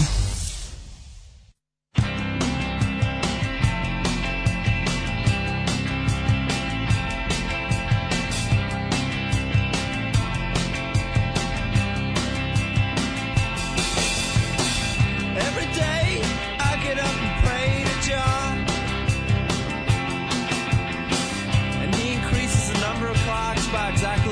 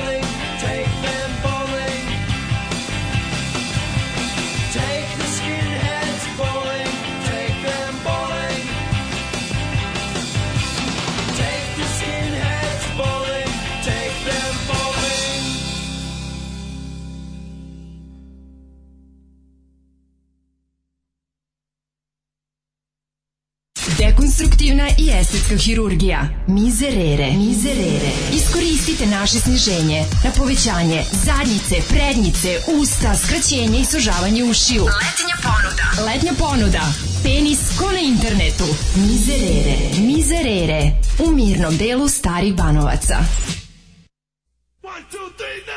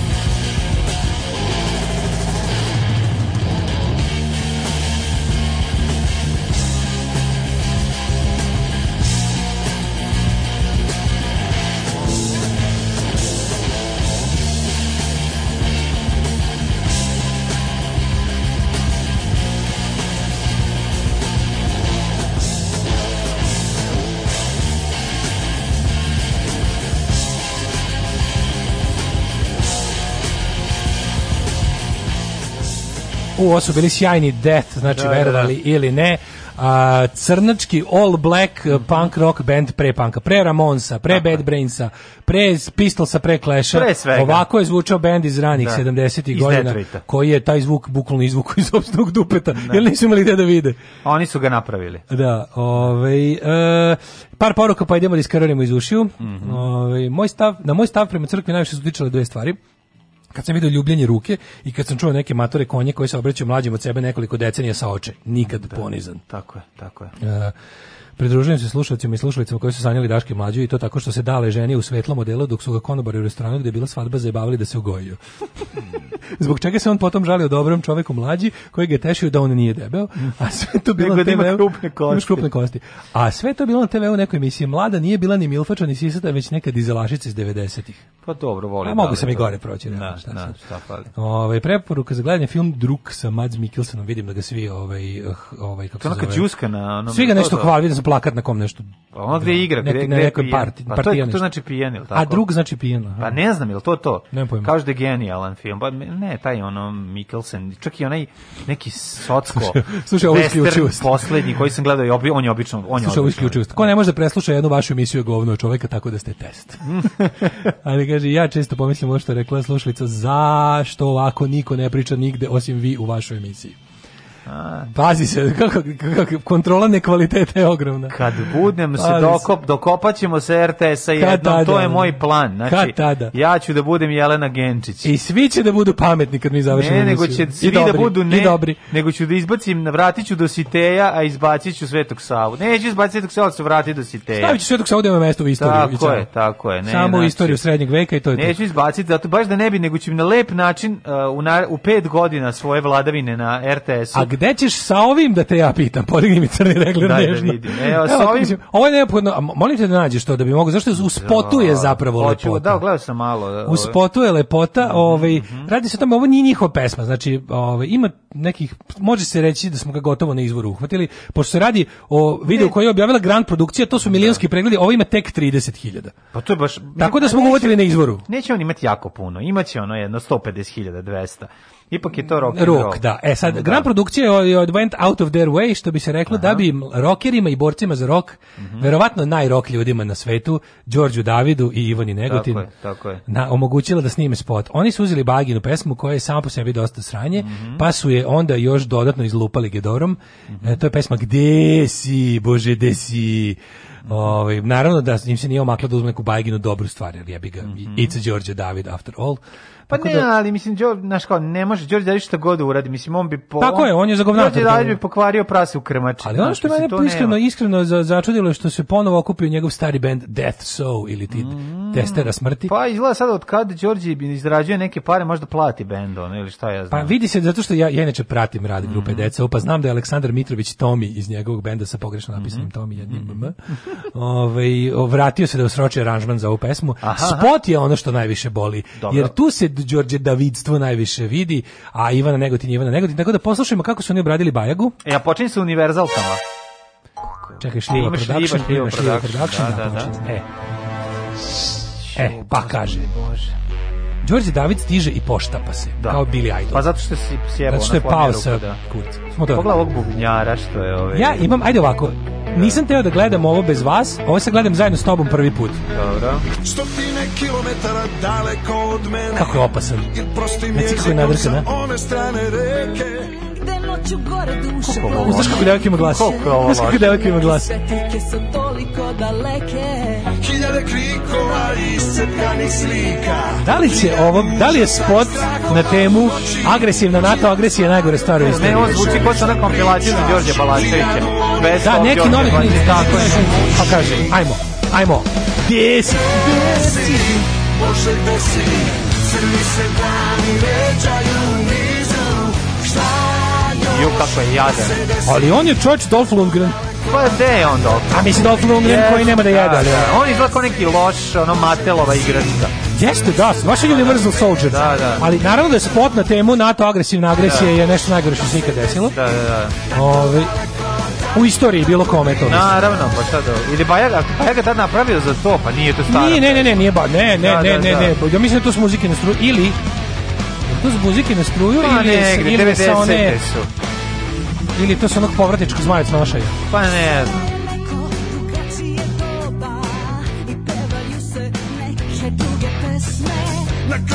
Kako jadno. Ne, ti treba, ali vidi kako on doživljava pesmu. Ne postoji ništa gore nego kada pesmu koju nisi napisao ništa ne znači dosta je onako plitka da, ti je da. kao jako doživljava. Ne samo to, nego, a dobro, on je fake, čo, mislim, znaš šta je, on, on je netalentovan. Koncept nije fake. To je militantni netalent. On nije fake, on je čovjek iskren u tome. On je iskreno netalent. Je, da. samo je netalent, da. znači njemu to ne stoji. Ali taj bend koji njemu tu kao koji pristaje da ti tezgaroši. Upravo ti ljudi rade bre na tim ono. Koliko ja mrzim tu tako tu pseudo new metal muziku. To to je kao onaj bend. To su ljudi koji to su taksisti, gitar taksisti. To su taksisti, tako. Pa tako imaju taksimetre na gitari. taksisti. Da, on kao Rđđovci. Pa da, izvinjavam se taksistima. To je jeftini Rđđ. Pa da. Izvinjavam da. se muzičarima i taksistima. Ali kad se te dve stvari spoje, nastaje čisto govno. Pa da, da, znaš kao, mislim, to, to znaš, znaš, ono... Ju. Znaš, ono, Đorđe David se trudi. Dupla, dupla bas pedala. David, dupla bas pedala. Đorđe Davidu malo fali da, da pređe u, u dobro, koliko je preođu loše. Pa, ne, ne. pa kako ti kažeš, ide ka tome. Mislim, kad bi shvatio... Kad Mogu se na... uvijek ima Squire gitaru, da on za svoje muzičko taksiranje nije kupi Fender. Da je ostalo to Caster Squire. Nije, pa ne znam, nije ovo. Nije u redu, mislim, nije u redu. Nema veze. Pa ti možda kupiš Fender. Pa, kažem ti, u redu bi ovde da je pridala, možda ovo neka skuplja gitara. Squire, a, a možda, malo, malo pre si vidjelo. Ne, ne, a možda je i reklama. Vidi, oni su sve tu dobili. Mo, misliš da Mitros Music? Ne, ima malo sponsor, pa je doneo da, sve. Da, da, sad će da. neki sok da popiju marki, da, ono kao pa da se vidi. Pa, verovatno, da. Skroz je moguće ali kako on lud, kako on, kako on zbog toga, znaš, kako on zbog toga što se sad druži s narodnjacima, da, da, kako da, još da, više otvrdeo. još je tvrđi, još je luđi. Još kao Grand produkcija izda rock spot. Pa to je, mislim. Joj, ne znam, tako Sa je ono... štapom detskim. Pa ne možeš taj detski štap furati majkom, ne ono. Ne taj detski štap, nego je sve, za nje, sve njegov... Kako je dobar, Ne znam koga me podsjeća. Kako jo, čekaj, sad je najveće doživljavanje pesme. ju One Nation Under God. Ono. Kakav Van Gogh, majko. Da, ovo je Đule smrdi kroz celu pesmu. Znači, ovo je Đule, Đule nabijenu pojačalo i truli. I onda kad Gari istrese te jeftine rifove, rđuđovske Đule pa se osjeti kroz muziku. Znači, ovaj rif nije loš, nego je poenta da... Ne, sve je ovde loše. Ovaj će sve usrati. Aj, to je Nickelbackska muzika. Da. To, treba, to treba lomiti gitare i ruke gitariste. To ne može to je, to, to ne može. Ali gde našao ovaj štap, pa na najlonu bi mu kupio bolje. Štap je, da, znači, da. ono, pa powered by, ono, China shop. A ono će bude, ono će da bude Billy Idol, sad se nas kontra šta on fura. Jeste bre, ali ono bili Vidi ajde. zadnji kadar. Pa ne, ne mogu, znači. Ne, ne, stvarno, je, stvarno je. Đorđe David stvarno najjadniji čovjek. On treba da ima poseban IMBG. Da kad mu vidiš JMBG se sažališ, jednostavno. Njegov da JMBG treba da bude ujedno i broj za SMS. Ne, treba da... Da čovjek dođe da se šali i nekom kaže da ću ti ja svoju čerku za ženu i on kaže privatam, brak sklopljen. Ma mi se šalili, brak sklopljen. Završeno. Alarm sa mlađom i Daškom.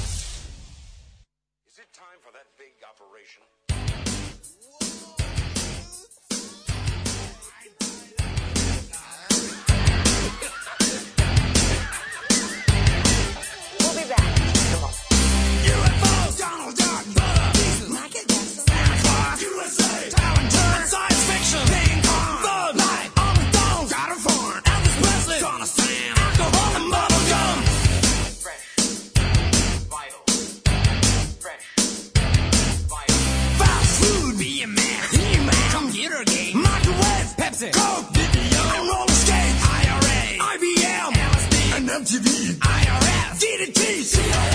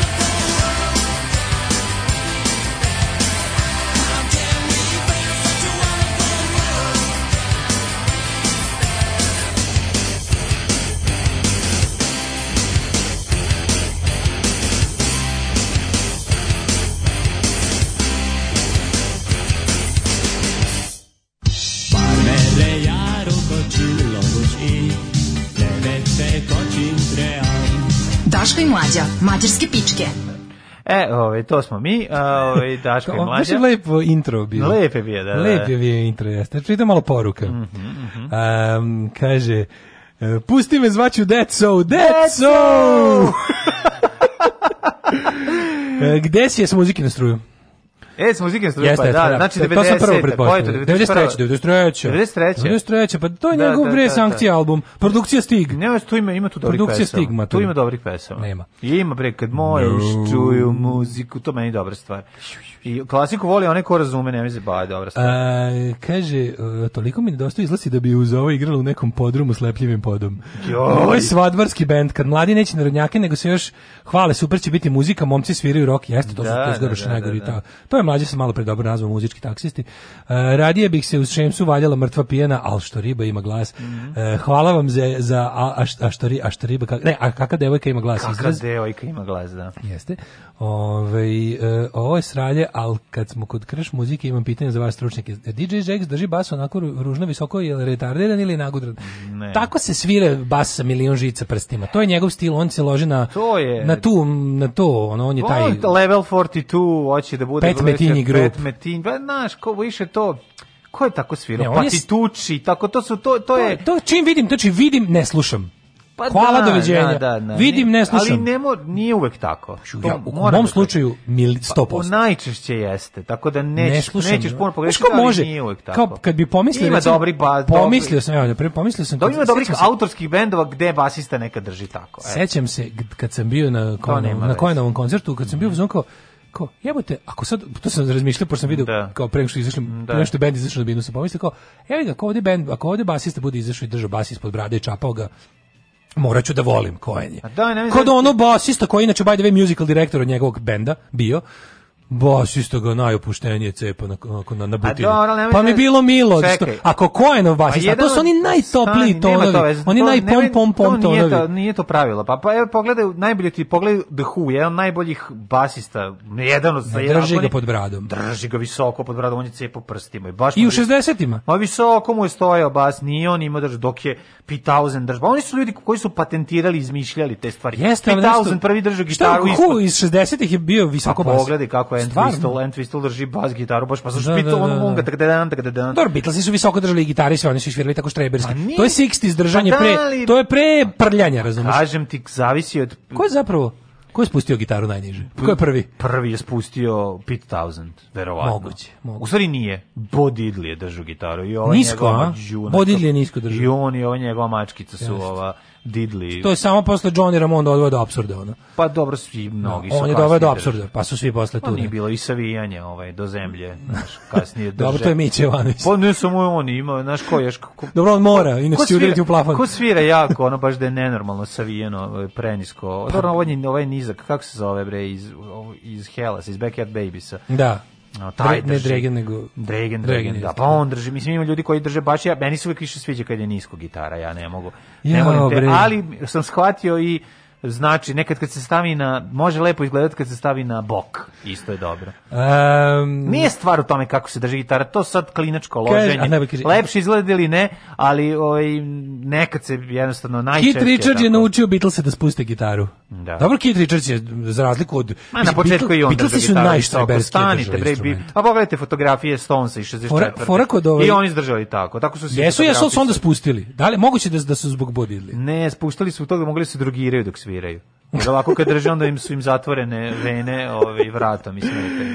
Kaže, Hatfield Hatfield iz Metalike drži jako nisko. Pa jasno. Pa on, on ga drži one basiste iz Metalike. Onaj... I kad se nadvije onako ne, to mi je pa dobro. Pa svi drže ono. Me, jeste, jeste. Me pravi rokeni i metoši drže nisko. Kad bi Peter Hook video Jacksa kako drži bas, neko bi dobio preko... Mm, da.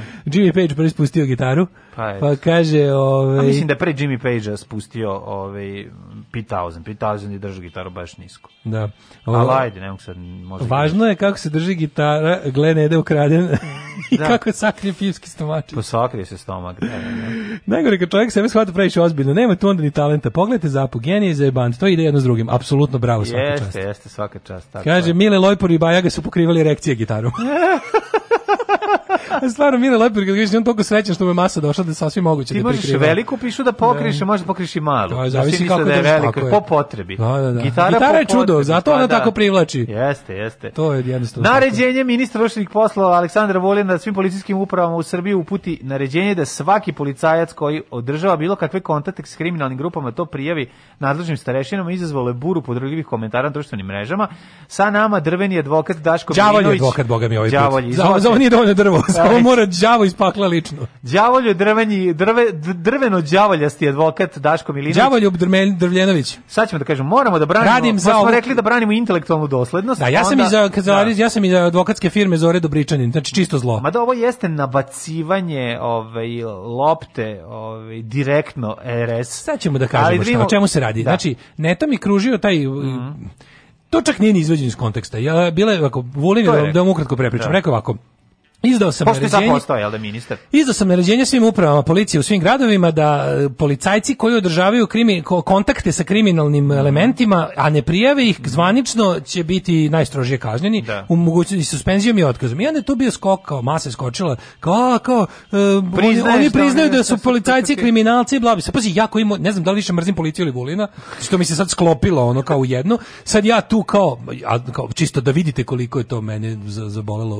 za, za, za, kako mi je zasvrbelo mozak. Da. Mislim, to, on, to, to što on to rekao nije to. Ne, znači radi nije mislio to. Nije mislio to. I tako, lepo se izrazio. Tako, znači, da. grozno što sad, molim vas, ono kao nemojte ovu emisiju, koga nemojte izvati ovu na emisiju, da. Samo da znate kad sad će, ja sad će ovo da se iseca iz konteksta i da ide dalje. Sad ste vidjeti da- kad ono kad sad u Color Pressu dobije poziv da radi CKM novi i ova emisija da. prestane da radi. To ti kažem. Al da mene nogira da Nije, se ekrem znači, nogira. Vratit ćeš se i ti da budi. Ja ću sad biti recenzent. Ne. A mene vrati na znači, seksi. Ja biti recenzent, a ti ćeš biti ono što si bio. E, hvala ti, divan si čovjek čovjek.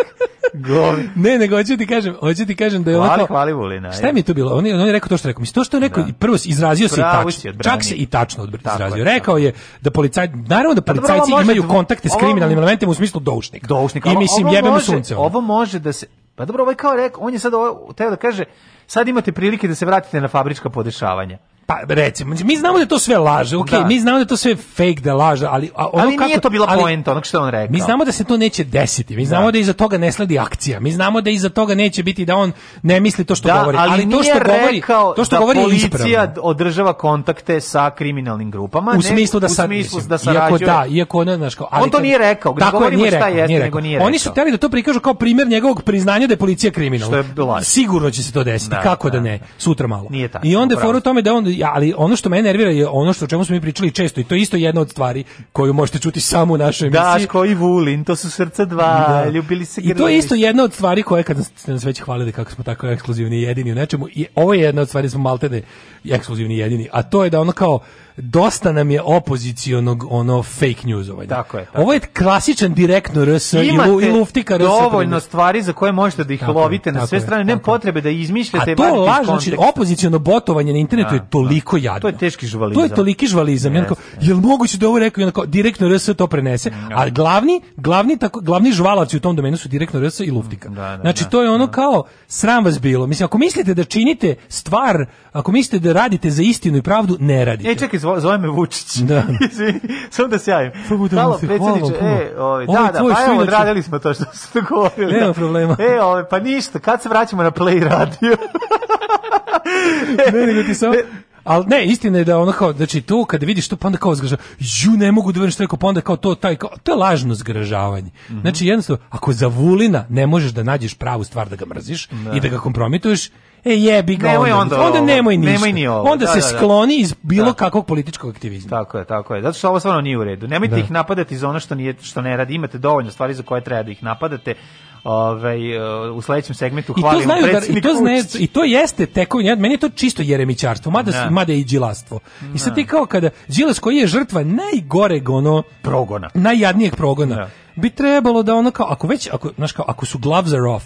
Ne možeš na taj način. Znači ne možeš ti ti ne možeš da ono Ja se slažem, ti treba da budeš brutalan kao tvoji protivnici. To je moj ono antifašistički stav. Znači, fašiste treba nadbrutaliti, tako ćeš ih jedino zaustaviti. Ali ovo je sad, ovo je, ovo je etičko pitanje. Znači, ono kao, nećeš, i ako si recimo, da, da povučem paralelu, kao što mislim da, da po fašistima treba udariti apsolutno svom snagom kao što oni dolaze teror tako i treba ali ali ono kao razlika između fašista i antifašista je što antifašisti neće upasti u fašističko selo i pobiti žene i decu. Ne. To je to je razlika specifika između te dve grupe ne, ljudi. Ne. Naš kao jesam za apsolutno nemilosrdni fajt sa njim. Mi, samo je Tako da ono kao fašističko selo u Sremu, Banatu ili Bačkoj. Nemam pojma, svugde je, je, na internetu uglavnom.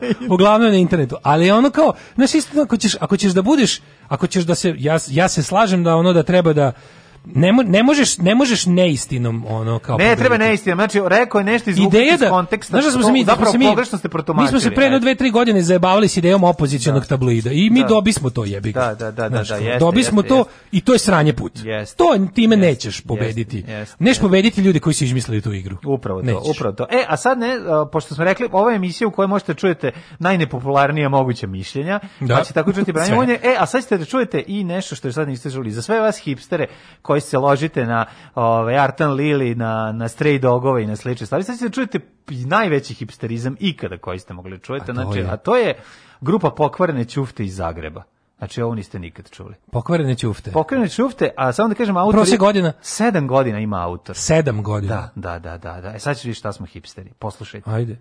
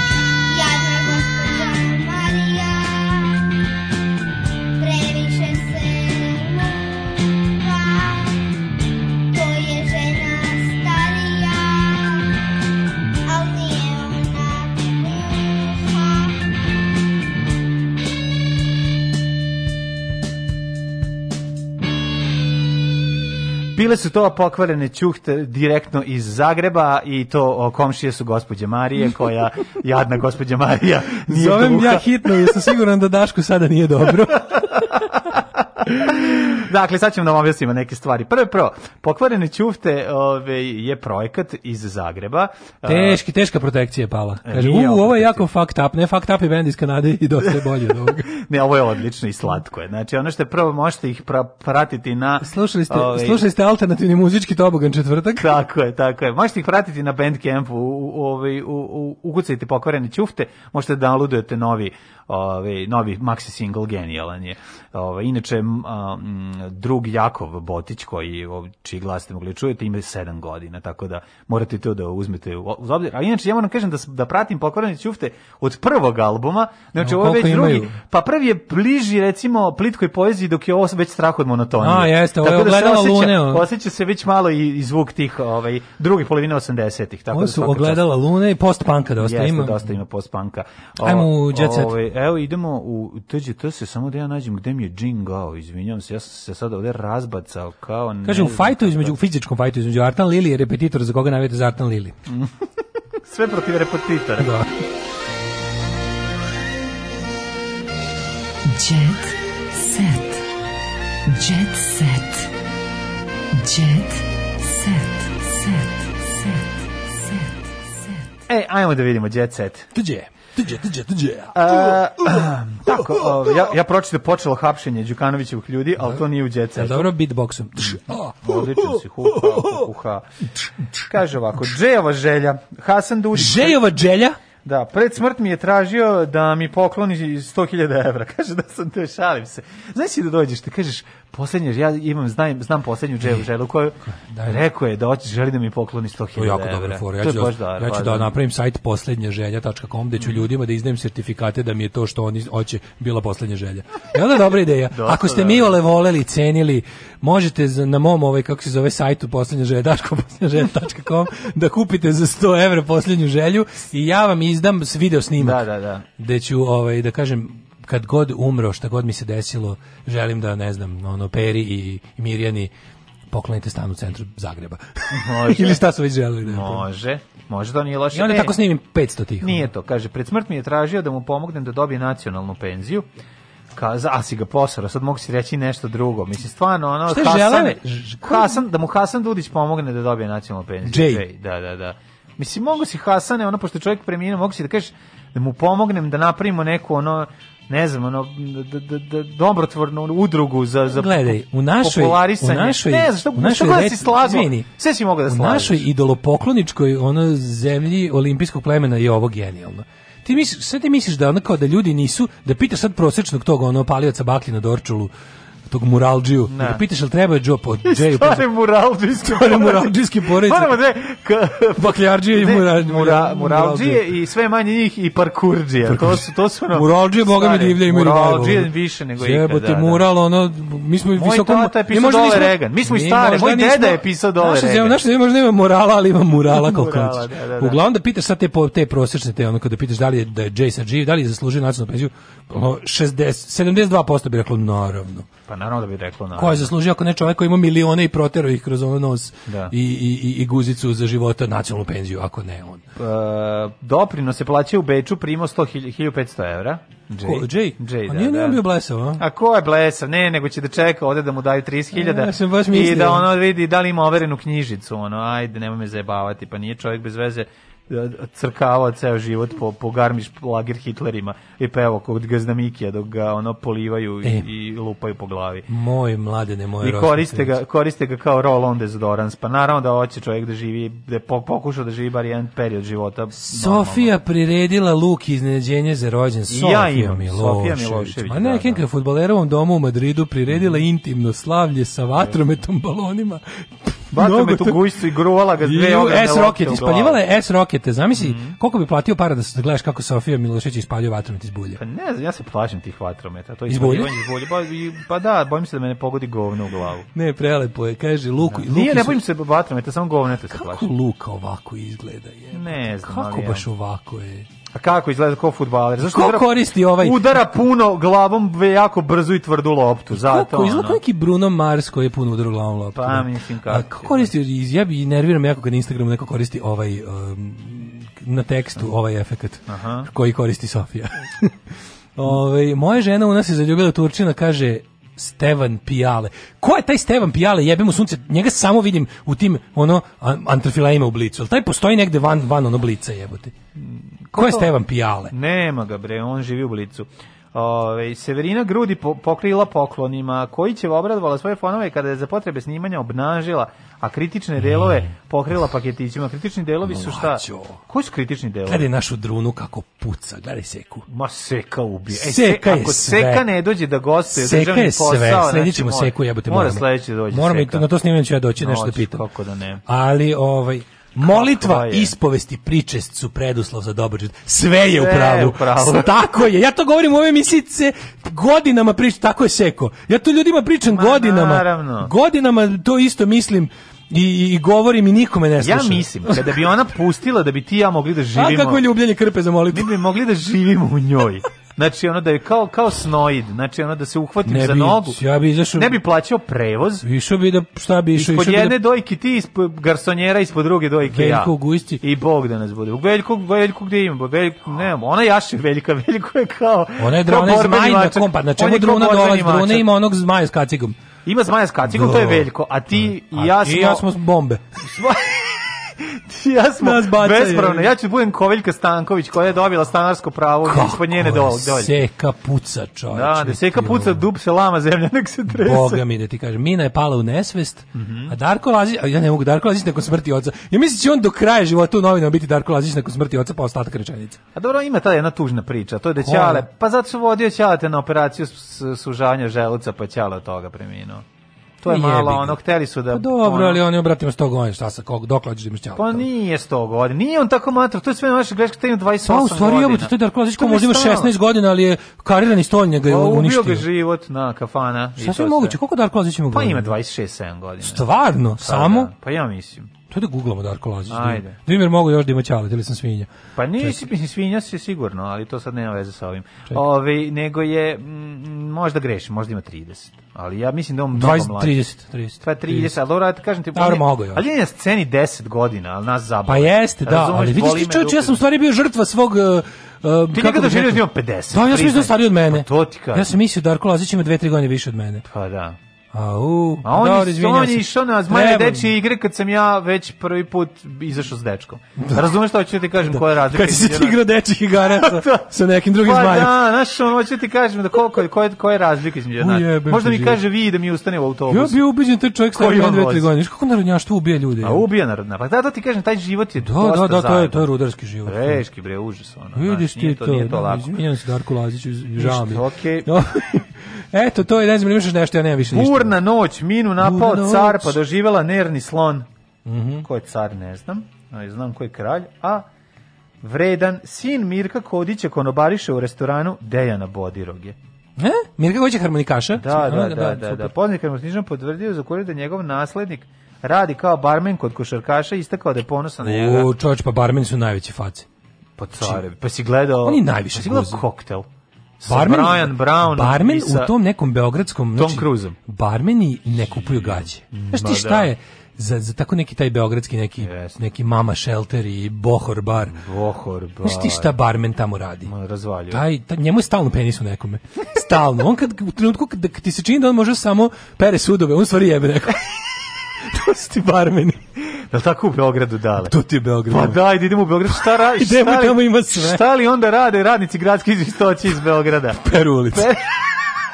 Aj, čao. Oh, -la -la. Tekst čitali Mladin Urdarević i Daško Milinović. Ton majstor Richard Merc. Realizacija Slavko Tatić urednik programa za mlade Donka Špiček. Alarms svakog radnog jutra od 7 do 10. Oh, you touch my -la.